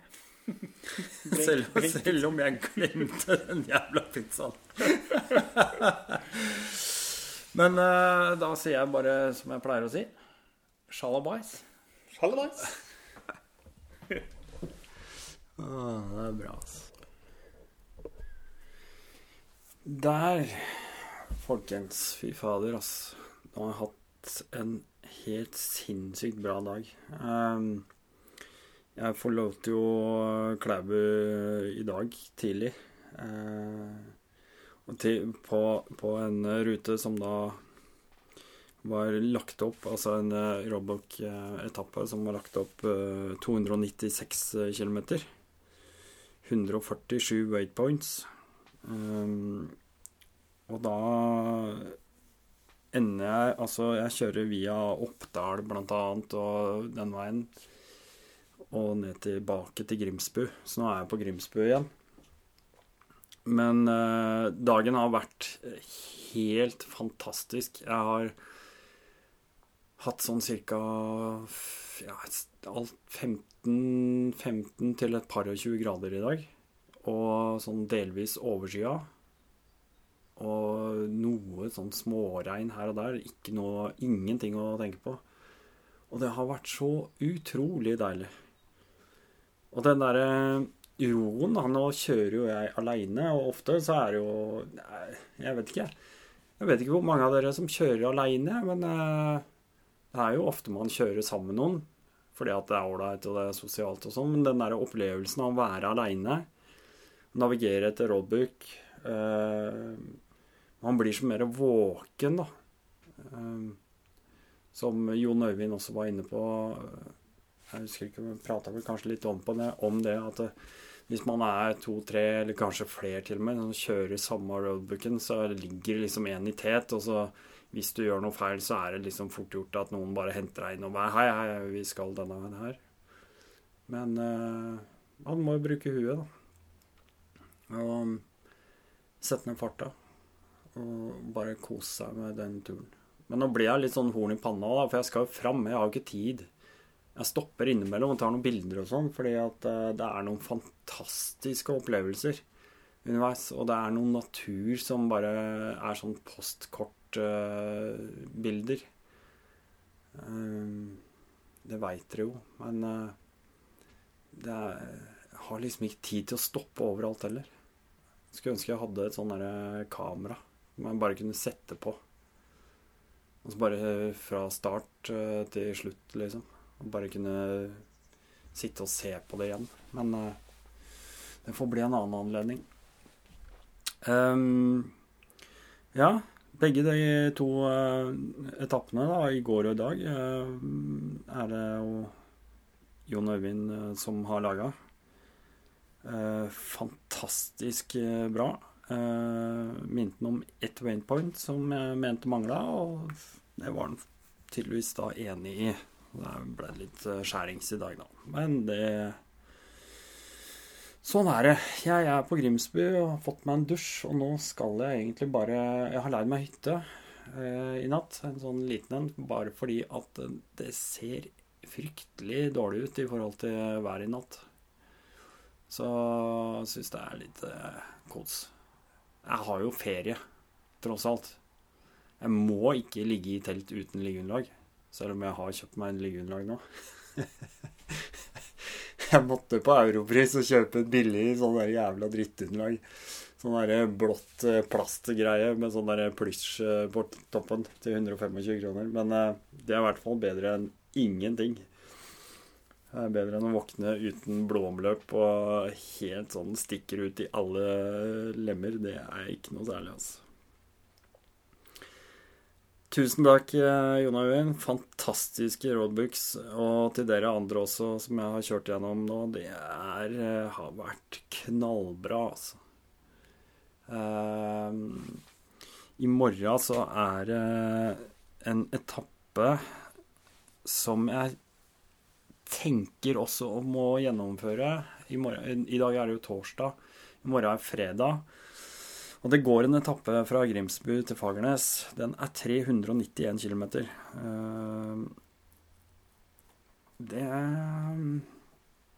Det må jeg prøve å få gjort, selv om jeg er redd for at det kommer til å regne i bøtter og lass i morgen.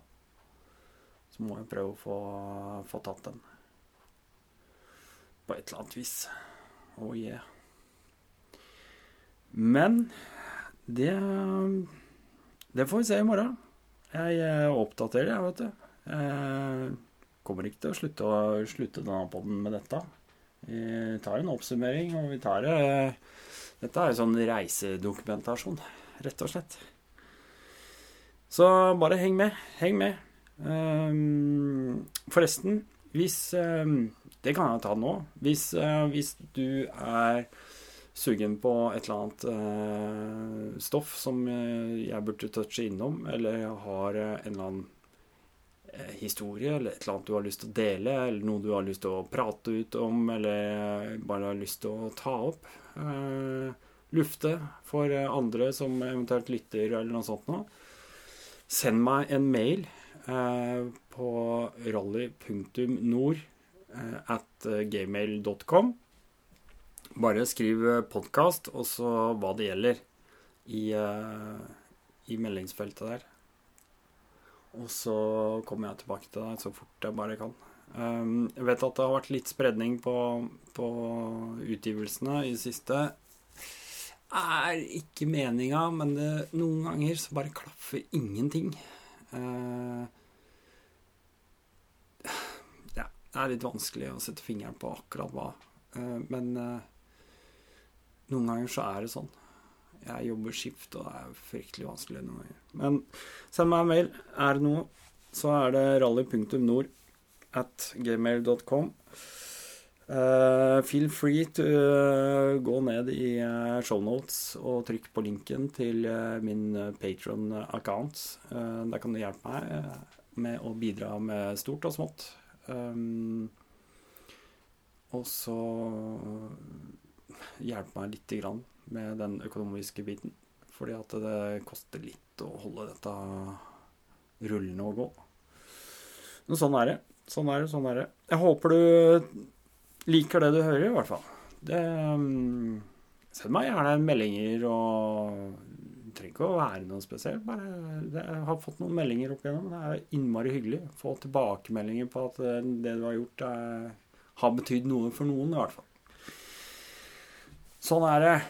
Ja. Vi får se. Vi får se. Vi tar en ny oppdatering i morgen. Nå skal jeg bort i restauranten og få meg en biffsnadder og en pils, for det syns jeg fader meg at jeg har fortjent. Altså. OK. Hei sleng.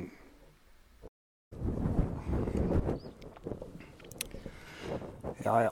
Da er klokka halv ti på morgenen på lørdag, og jeg er på Fagernes.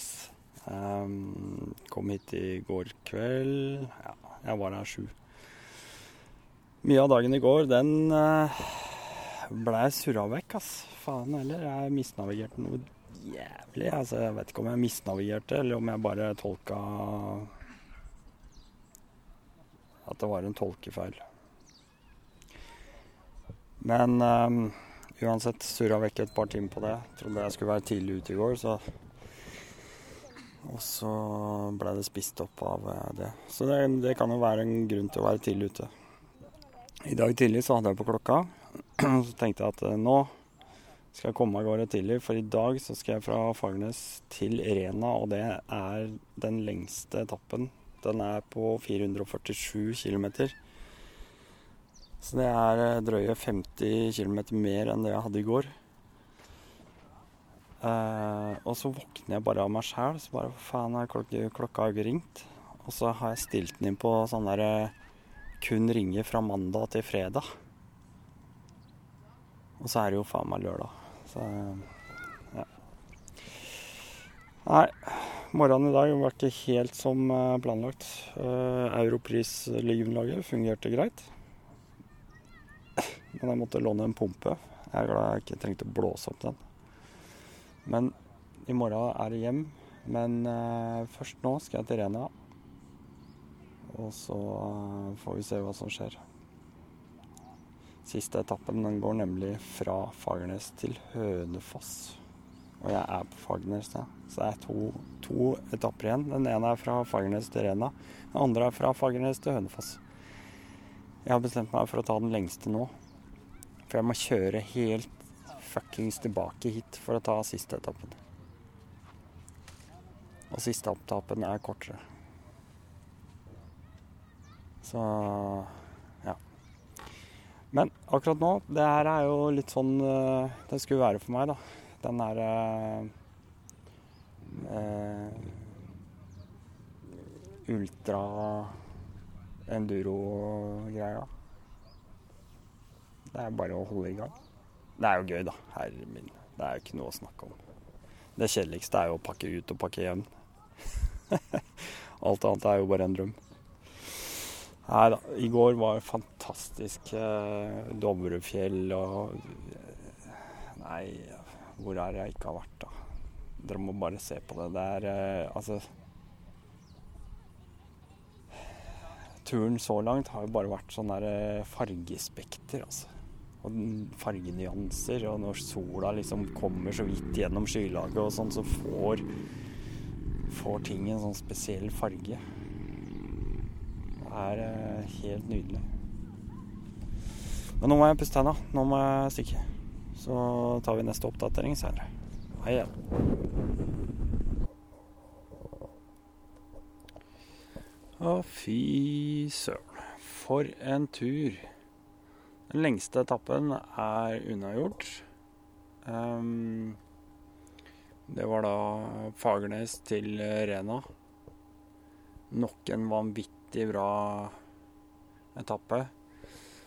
Uh, jeg har jo vært heldig med været hele tida. Uh, men så kom jeg til Lillehammer. Da bare bøtta det ned. Da var jo selvfølgelig alle luftinger og alt sammen var jo åpent, så da var det bare om å gjøre å få lokka igjen litt etter hvert, da. Så kliss bløte hansker og sånne ting. Men ja, temperaturen har vært noenlunde, så heldigvis har jeg ikke vært altfor kald. Um, det er veldig kult å se hvordan, hvordan hele landskapet forandrer seg, liksom, i løpet fra en sånn etappe. Altså naturområdene um, um, bare Ja. De blir veldig annerledes fra en dal til en annen. Men um, i hvert fall så kom jeg fram til Rena. Den uh, stoppa på YX-en. Og så tenkte jeg uh, Fuck it. Jeg må jo ta siste etappen. Men den uh, Den er jo ikke den er ikke så enkel, for den går jo fra Fagernes til, til Hønefoss. Så det betyr jo at jeg måtte jo tilbake til Fagernes, da. Så jeg sto der og kikka litt på sykkelen, og kjedet hang som en eh, Hva skal jeg si? En uh, salrygga hest. Og fikk justert, justert, litt på det. Hivde inn en pølse med bacon en Red Bull. Og så bare ringte jeg kjerringa og så sa jeg at eh, du, jeg har bestemt meg. Jeg, jeg, eh, drar eh, herfra med en gang. Og hun lurte på Ja, nei, å, å, kommer du hjem? Nei, nei, nei.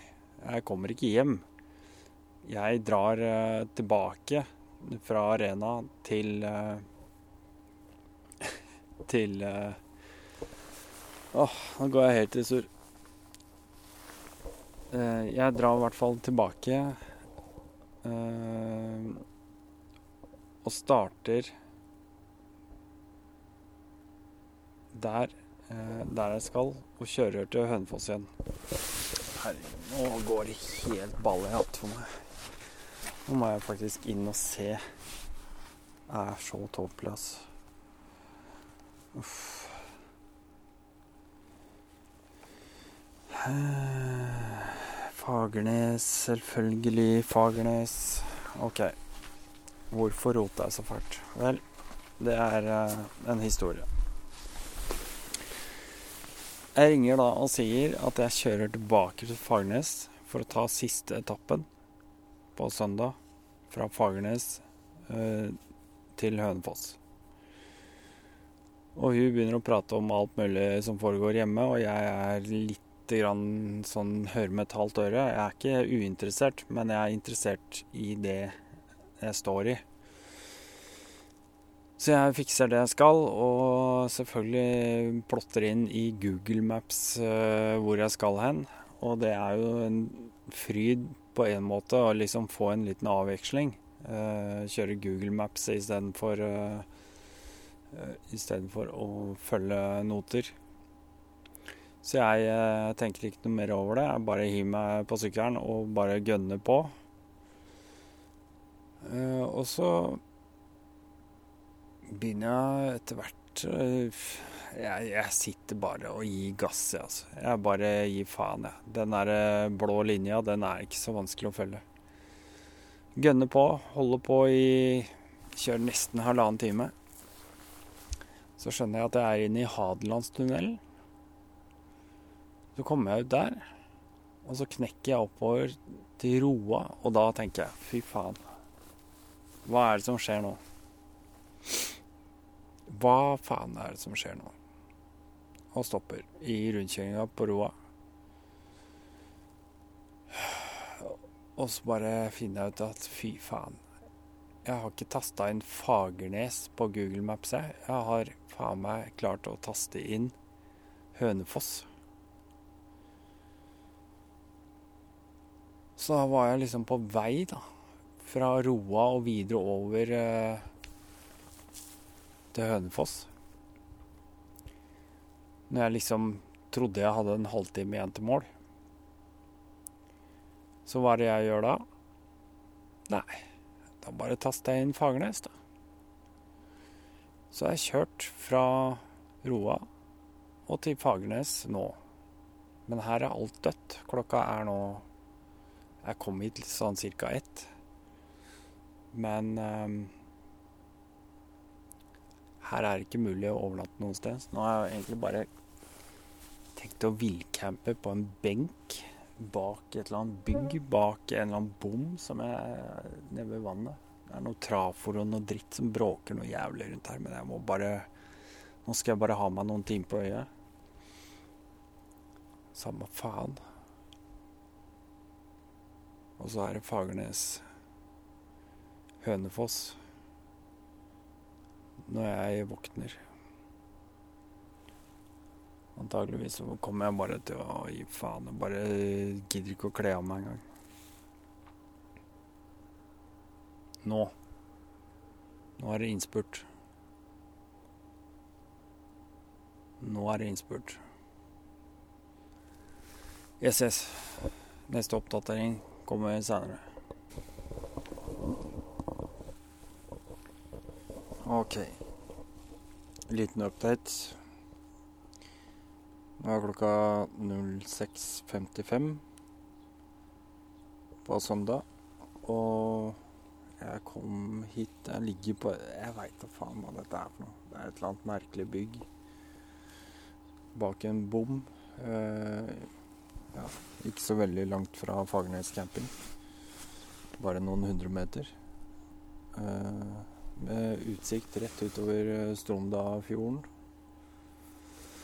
Det er blikk stille. Det har regna litt i natt. Men eh, jeg fant et sånn lite takutspring med en benk som jeg har sovet på. Litt sånn til og fra. Og det har vært eh, relativt kjølig.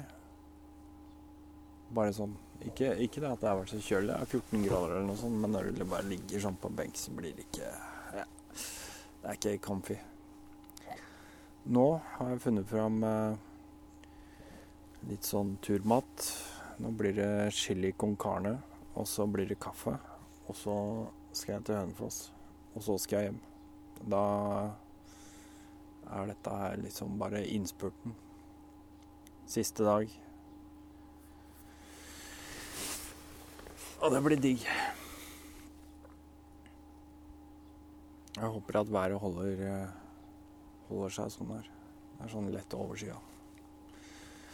Men, men. Snart. Snart, snart. Nå skal jeg ha meg mat. Den har jeg virkelig fortjent. Er, det er en sånn turmat som jeg spinka og spart for. For jeg har tenkt at den skal jeg ta når jeg er skikkelig sulten. Ellers så har alle turene mine stort sett bare vært eh, gått i kjeks og litt Kvikk Lunsj underveis. Så mm, ja. Dette ble digg.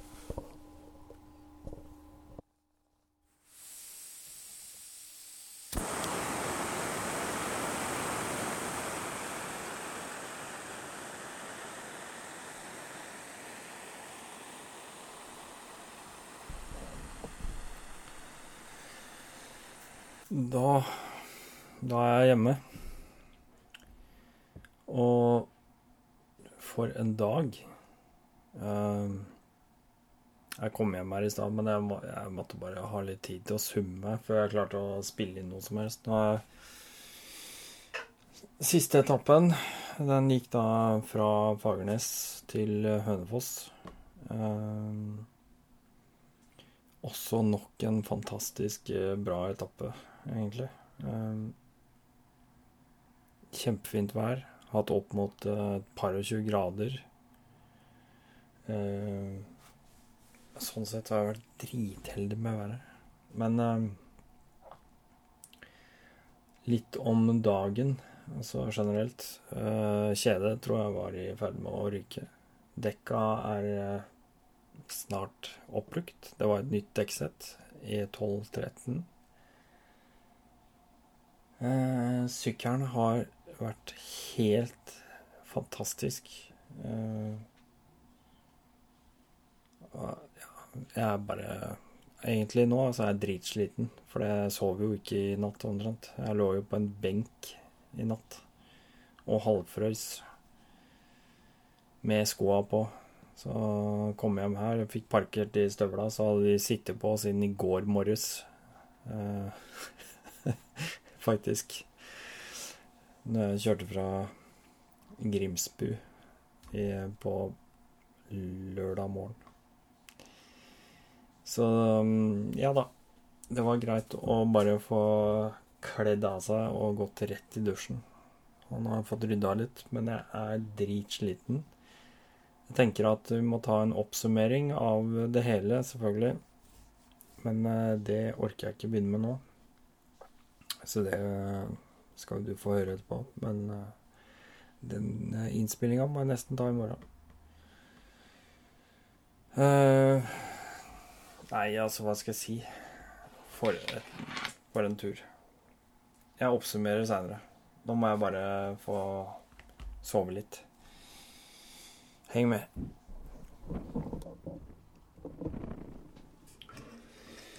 Da, kjære lytter uh, føler jeg at jeg velfortjent bare kan ta og jekke meg en uh, pils.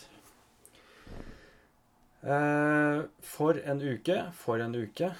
En hel uke ferie helt aleine. Det er jo slett ikke sånn at det er en selvfølge for alle. Uh, noen er jo bare seg selv og sin egen herre og kan gjøre akkurat hva de vil, når de vil. og har en jobb, de kan uh, trikse og mikse og kanskje har hver gang de har ferie, så har de bare seg sjøl å tenke på, og det må jo være supertopp. Altså.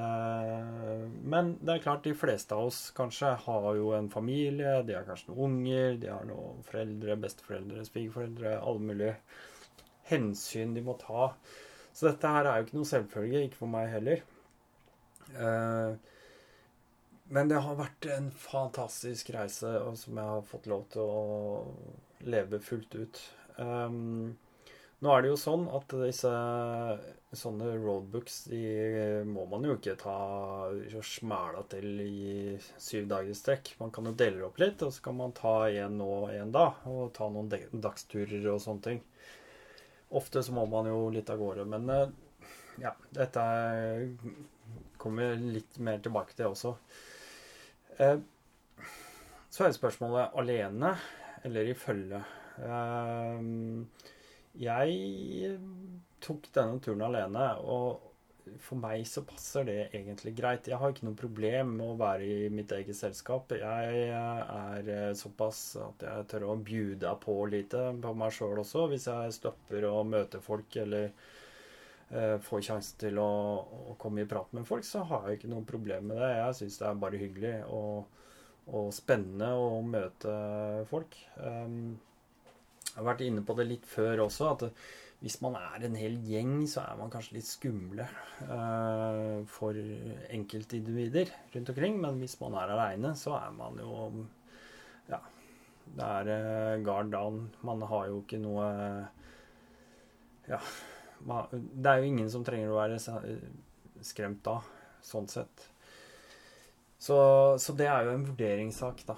Um, Samtidig så er det jo sånn at hvis man er mange, så kan man fordele litt på å ta med type verktøy, ta med seg slanger, ta, noen tar med pumpe, noen tar med ditt og datt og eh, liksom sånne ting. Altså. Og, og, man er jo mye tryggere sammen med andre i forhold til at hvis det skal skje noe, så eh, det kan være at man eh, Ja Altså, det er bare sånn Få seg en liten kontra i en sving et eller annet sted. Altså, det, det er nok til at du går ut av veien og kan havne i en veldig dårlig situasjon. Og kanskje ikke er eh, klarer å redde deg sjøl. Dette har vi jo snakka om i en tidligere podkast. Jeg hadde jo Jonas Drott, Adventure Ready, på en eh, tidligere episode. Og jeg um, håper at vi kan spille opp litt mer på han etter hvert. Um, han fokuserer jo ikke bare på førstehjelp, men også på førstehjelp i forbindelse med motorsykkelkjøring. Og det er jo utrolig spennende. Hvis du ikke veit hvem det er, ta så gå inn på YouTube, søk på Adventure Ready. Han er også på Instagram hvis du lurer på det. Så er det jo uh, dette her med riktige forberedelser, altså, for da er vi jo litt inne på det. Altså, da har vi utstyr altså, Eh, personlig kjøreutstyr, eh, førstehjelpsutstyr, verktøy og reparasjon. Alle disse tingene må man jo tenke litt på. Sånn som Ja, på et eller annet tidspunkt så følte jeg at å, fy faen, nå tror jeg det kjedet kommer til å ryke snart. For at det I sånne på 3000 km så hadde jeg jo for så vidt et noenlunde slitent eh, kjede- og drevpakke fra før av. Men det er klart at det går i veldig rykk og napp på en sånn endunker som 701. Og da, eh, når du hele tida slår i kjedet og nøkker i det kjedet, uh, så, så, strekker det seg. Det strekte seg noe helt sinnssykt på de tre, tre kilometerne. Så jeg var redd for at det skulle ryke til slutt. men men da må man uh, ta høyde for det. Ha med seg kjedekuttere og en liten link ekstra og noen kjedelåser og diverse. Kanskje ha med seg noen skruer og bolter. Eh, et sånt lite kit kan være lurt å ha. I tilfelle noe rister ut og, og, løsner og blir borte uh, underveis. Uh, slanger, lappesaker, alle disse tingene her som er jævla viktige. Så, men det er klart at i, i, dette er jo en del av eh, det å kjøre motorsykkel. Det veit alle sammen. Det er ikke noe hemmelighet. Men det er dritt når det skjer, og du ikke er forberedt på det midt på en sånn tur som det. Mm. Mm. Å, fy faen, den var kald og god. Deilig. Åh, det var digg. Men Det er klart at eh, jeg stoler på fagfolk eh, når jeg når jeg eh, skal ha ting. Jeg bruker jo, som alle vet nå, det, jeg kjører jo en 701 long range. Og, og, den passer meg helt superperfekt. Det er klart, Her har det vært mye mods underveis, som vi ofte gjør med alle syklene våre. Vi liker å gjøre til personlige tilpasninger. Jeg har gjort mye rart min retning, og andre vil gå andre retninger. Så. Men, eh, men, det er jo en personlig eh, greie, hva man ønsker å gjøre. og jo, ja, Så lenge man har gleder av det man gjør, så gjør hva faen du vil. Du kan kjøre eh, langgaffel og stivramme for min del. Helt koselig. Jeg syns det er dritgøy hvis folk gjør rare ting. og og det, det, er alltid artig å, å se hvordan folk uh, løser ting. Men uh, min backup er selvfølgelig crossenteret Snellingen uh, i Verkseiet Fuglehundsvei nede på Alna. og det er klart, jeg må jo dit. Denne turen, den En uke så kjørte jeg nå 3093,9 km. Det er, eh, det er ganske drøyt, det. Det er, det er faktisk eh, ikke en reint uh, liten liten bit, det, altså. På en uke. Og, og, det er klart at da sliter jeg på ting. Da er det kjede- og drevpakker, og det er ny olje og noen filtre og greier. Og det, det, får jeg selvfølgelig der. Der er på crossenteret så kjøper jeg dekk, reservedeler, jeg får personlig utstyr og tar servicer, så jeg får stempla heftet mitt og godkjent videre tur. Takker ydmykt for den servicen jeg får der, og jeg må bare legge til at jeg er ikke betalt av Snellingen for å si det her, altså. Det er bare så det er klart. Ingen jeg nevner her, eh, betaler meg på noen som helst måte. Det er ikke noe det er ikke, Dette er ren erfaring og bare en hyggelig shout-out fra min side. Eh, men jeg vil også ta opp eh, litt sånn oppførsel og respekt. Respekt for roadbook-kjøring. Altså mm, Du møter mye folk. Uh, og dette kan jo være folk som eh, enten bor i et stille og rolig område som det ellers ikke skjer en dritt. Uh, hvis det kommer én og to og tre og fire og fem helvetes motorsykler i en jævla fart og skremmer bikkjer og katter og husdyr og fe og alt som er Og spesielt nå, nå har jeg jeg har sikkert tusentalls sau som jeg har passert, og det er klart, her må du ta hensyn. Og det er jævla viktig å huske det. Sånn som nå, så har du Så har du da mm, med, Altså sau eh, med kje, altså unger. Ofte, eller noen ganger, så er kanskje mora på ene sida av veien, og så er eh, De får gjerne et par unger. Én og to unger.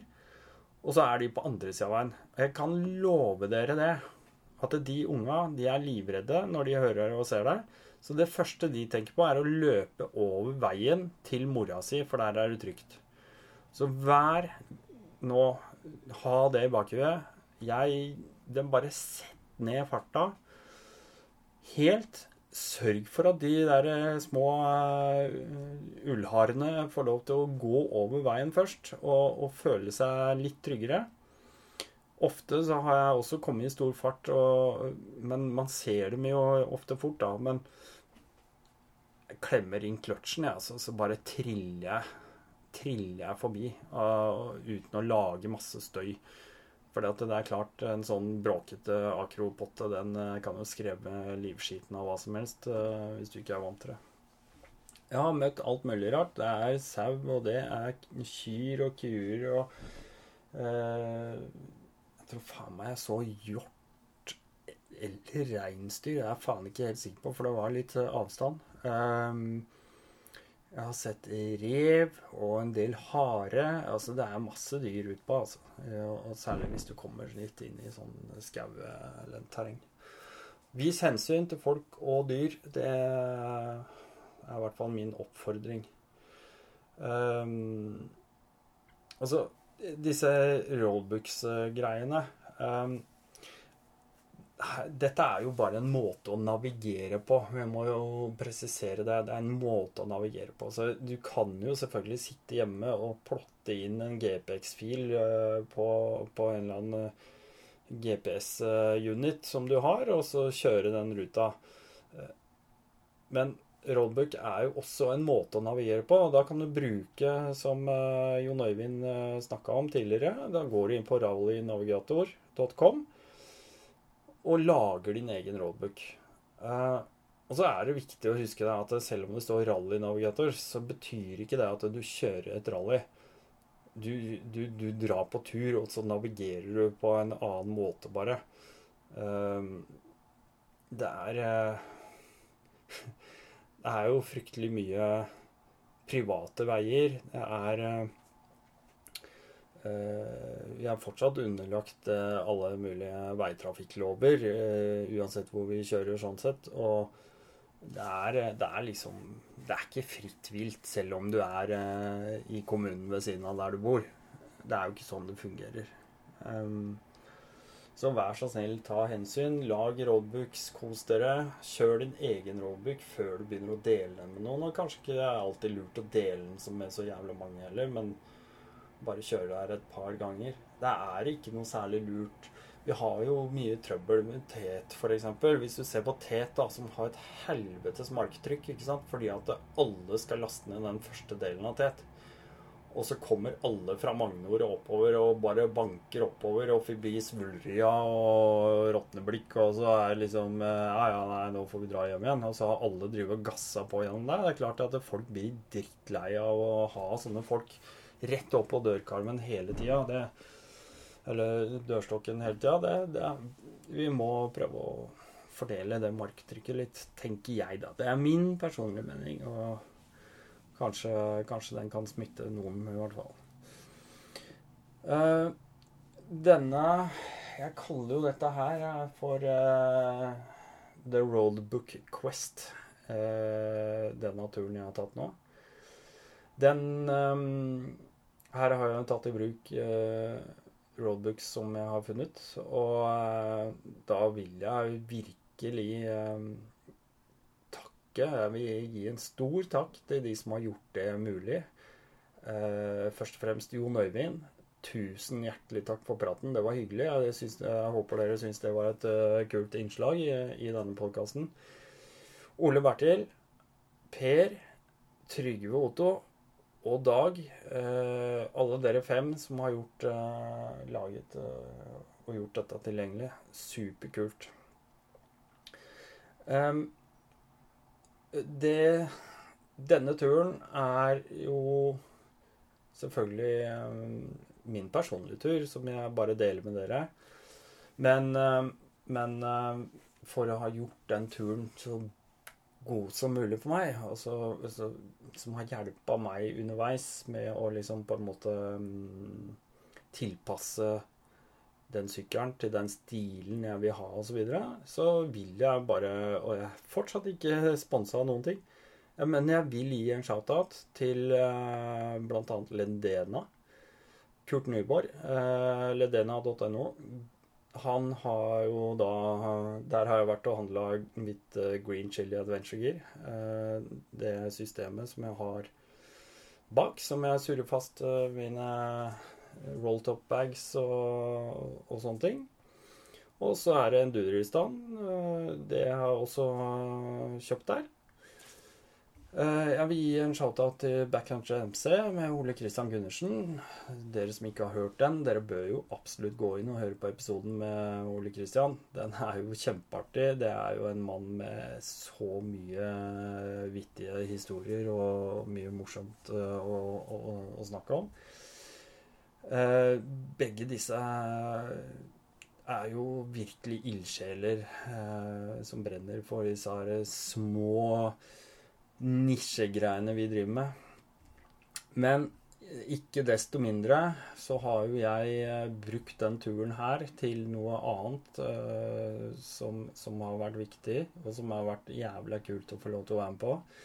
I fjor så begynte Ja, det, det, det, begynte vel egentlig med at uh, en kar ved Kai Ingvald Flatland, som driver Twinpegs, uh, la ut en sånn her, liten sånn her Han ville gjerne komme i kontakt med noen, for han hadde tenkt å lage noe Twinpegs til 701-690. Og da var jeg veldig fort ute og bare sa Yes, dette har jeg lyst til å være på. Dette er kjempeinteressant.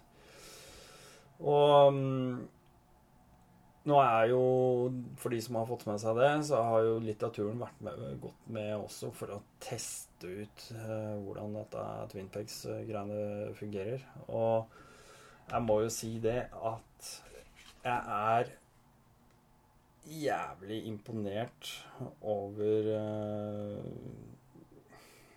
hvor hvor, uh, hvor utrolig digg det har vært å kjøre med Twinpex. Altså, dette sier jeg jo ikke bare av sånn personlige interesser, men jeg mener helt seriøst at det her er, eh, det her er kult. Um, så etter noen prototyper og tester her og der nå, så tror jeg det begynner å nærme seg et produkt um, som etter hvert vil gå i en produksjon. Og det um, Ja ja, hvor skal jeg begynne? Altså, jeg vil jo nevne dette her. Uh, Twinpegs for uh, disse to modellene, altså 690-701, de er da høydejusterbare, sånn at du kan justere de i forhold til eventuelt å senke fothvile. Hvis du har senka rallypegs f.eks. ned til uh, minus 20, så kan du også justere twinpegsen etter det. Uh, de er også tegna nå sånn at de um, kan tilpasses og brukes sammen med passasjerpegs. Du kan også velge bort det og være, la det være tilpassa luggage rack hvis du har et rack isteden, som, eh, som også festes på disse to eh, punktene som vi vet om. Um, den har en slags bro uh, og en loop som gjør at um, du kan feste stropper i dem, i braketten. Bruke det som et sånn tie down-punkt. Uh, den får også hull, så du kan feste f.eks. giant loop uh, Ja, sånne um, strap Ja, sånne strappefester. Å, beklager. Jeg tror jeg må drikke mer øl. Åh, jeg må drikke mer øl. Mm. Mm. Beklager det. Um, og det har vært eh, superkult å få lov til å være med, være med og komme med innspill til eh, hans uh, geniale tegning og oppfinnelse.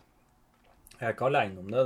Vært, det er noen andre der ute også. Det er litt sånn usikker på hvor det er. Noen i Østerrike og noen i, langt oppe i nord. Og ja, en borte i Statene som skal være med og teste litt og sånt. Så er, det er ikke ferdig, men jeg tror det ser veldig lyst ut framover nå, altså.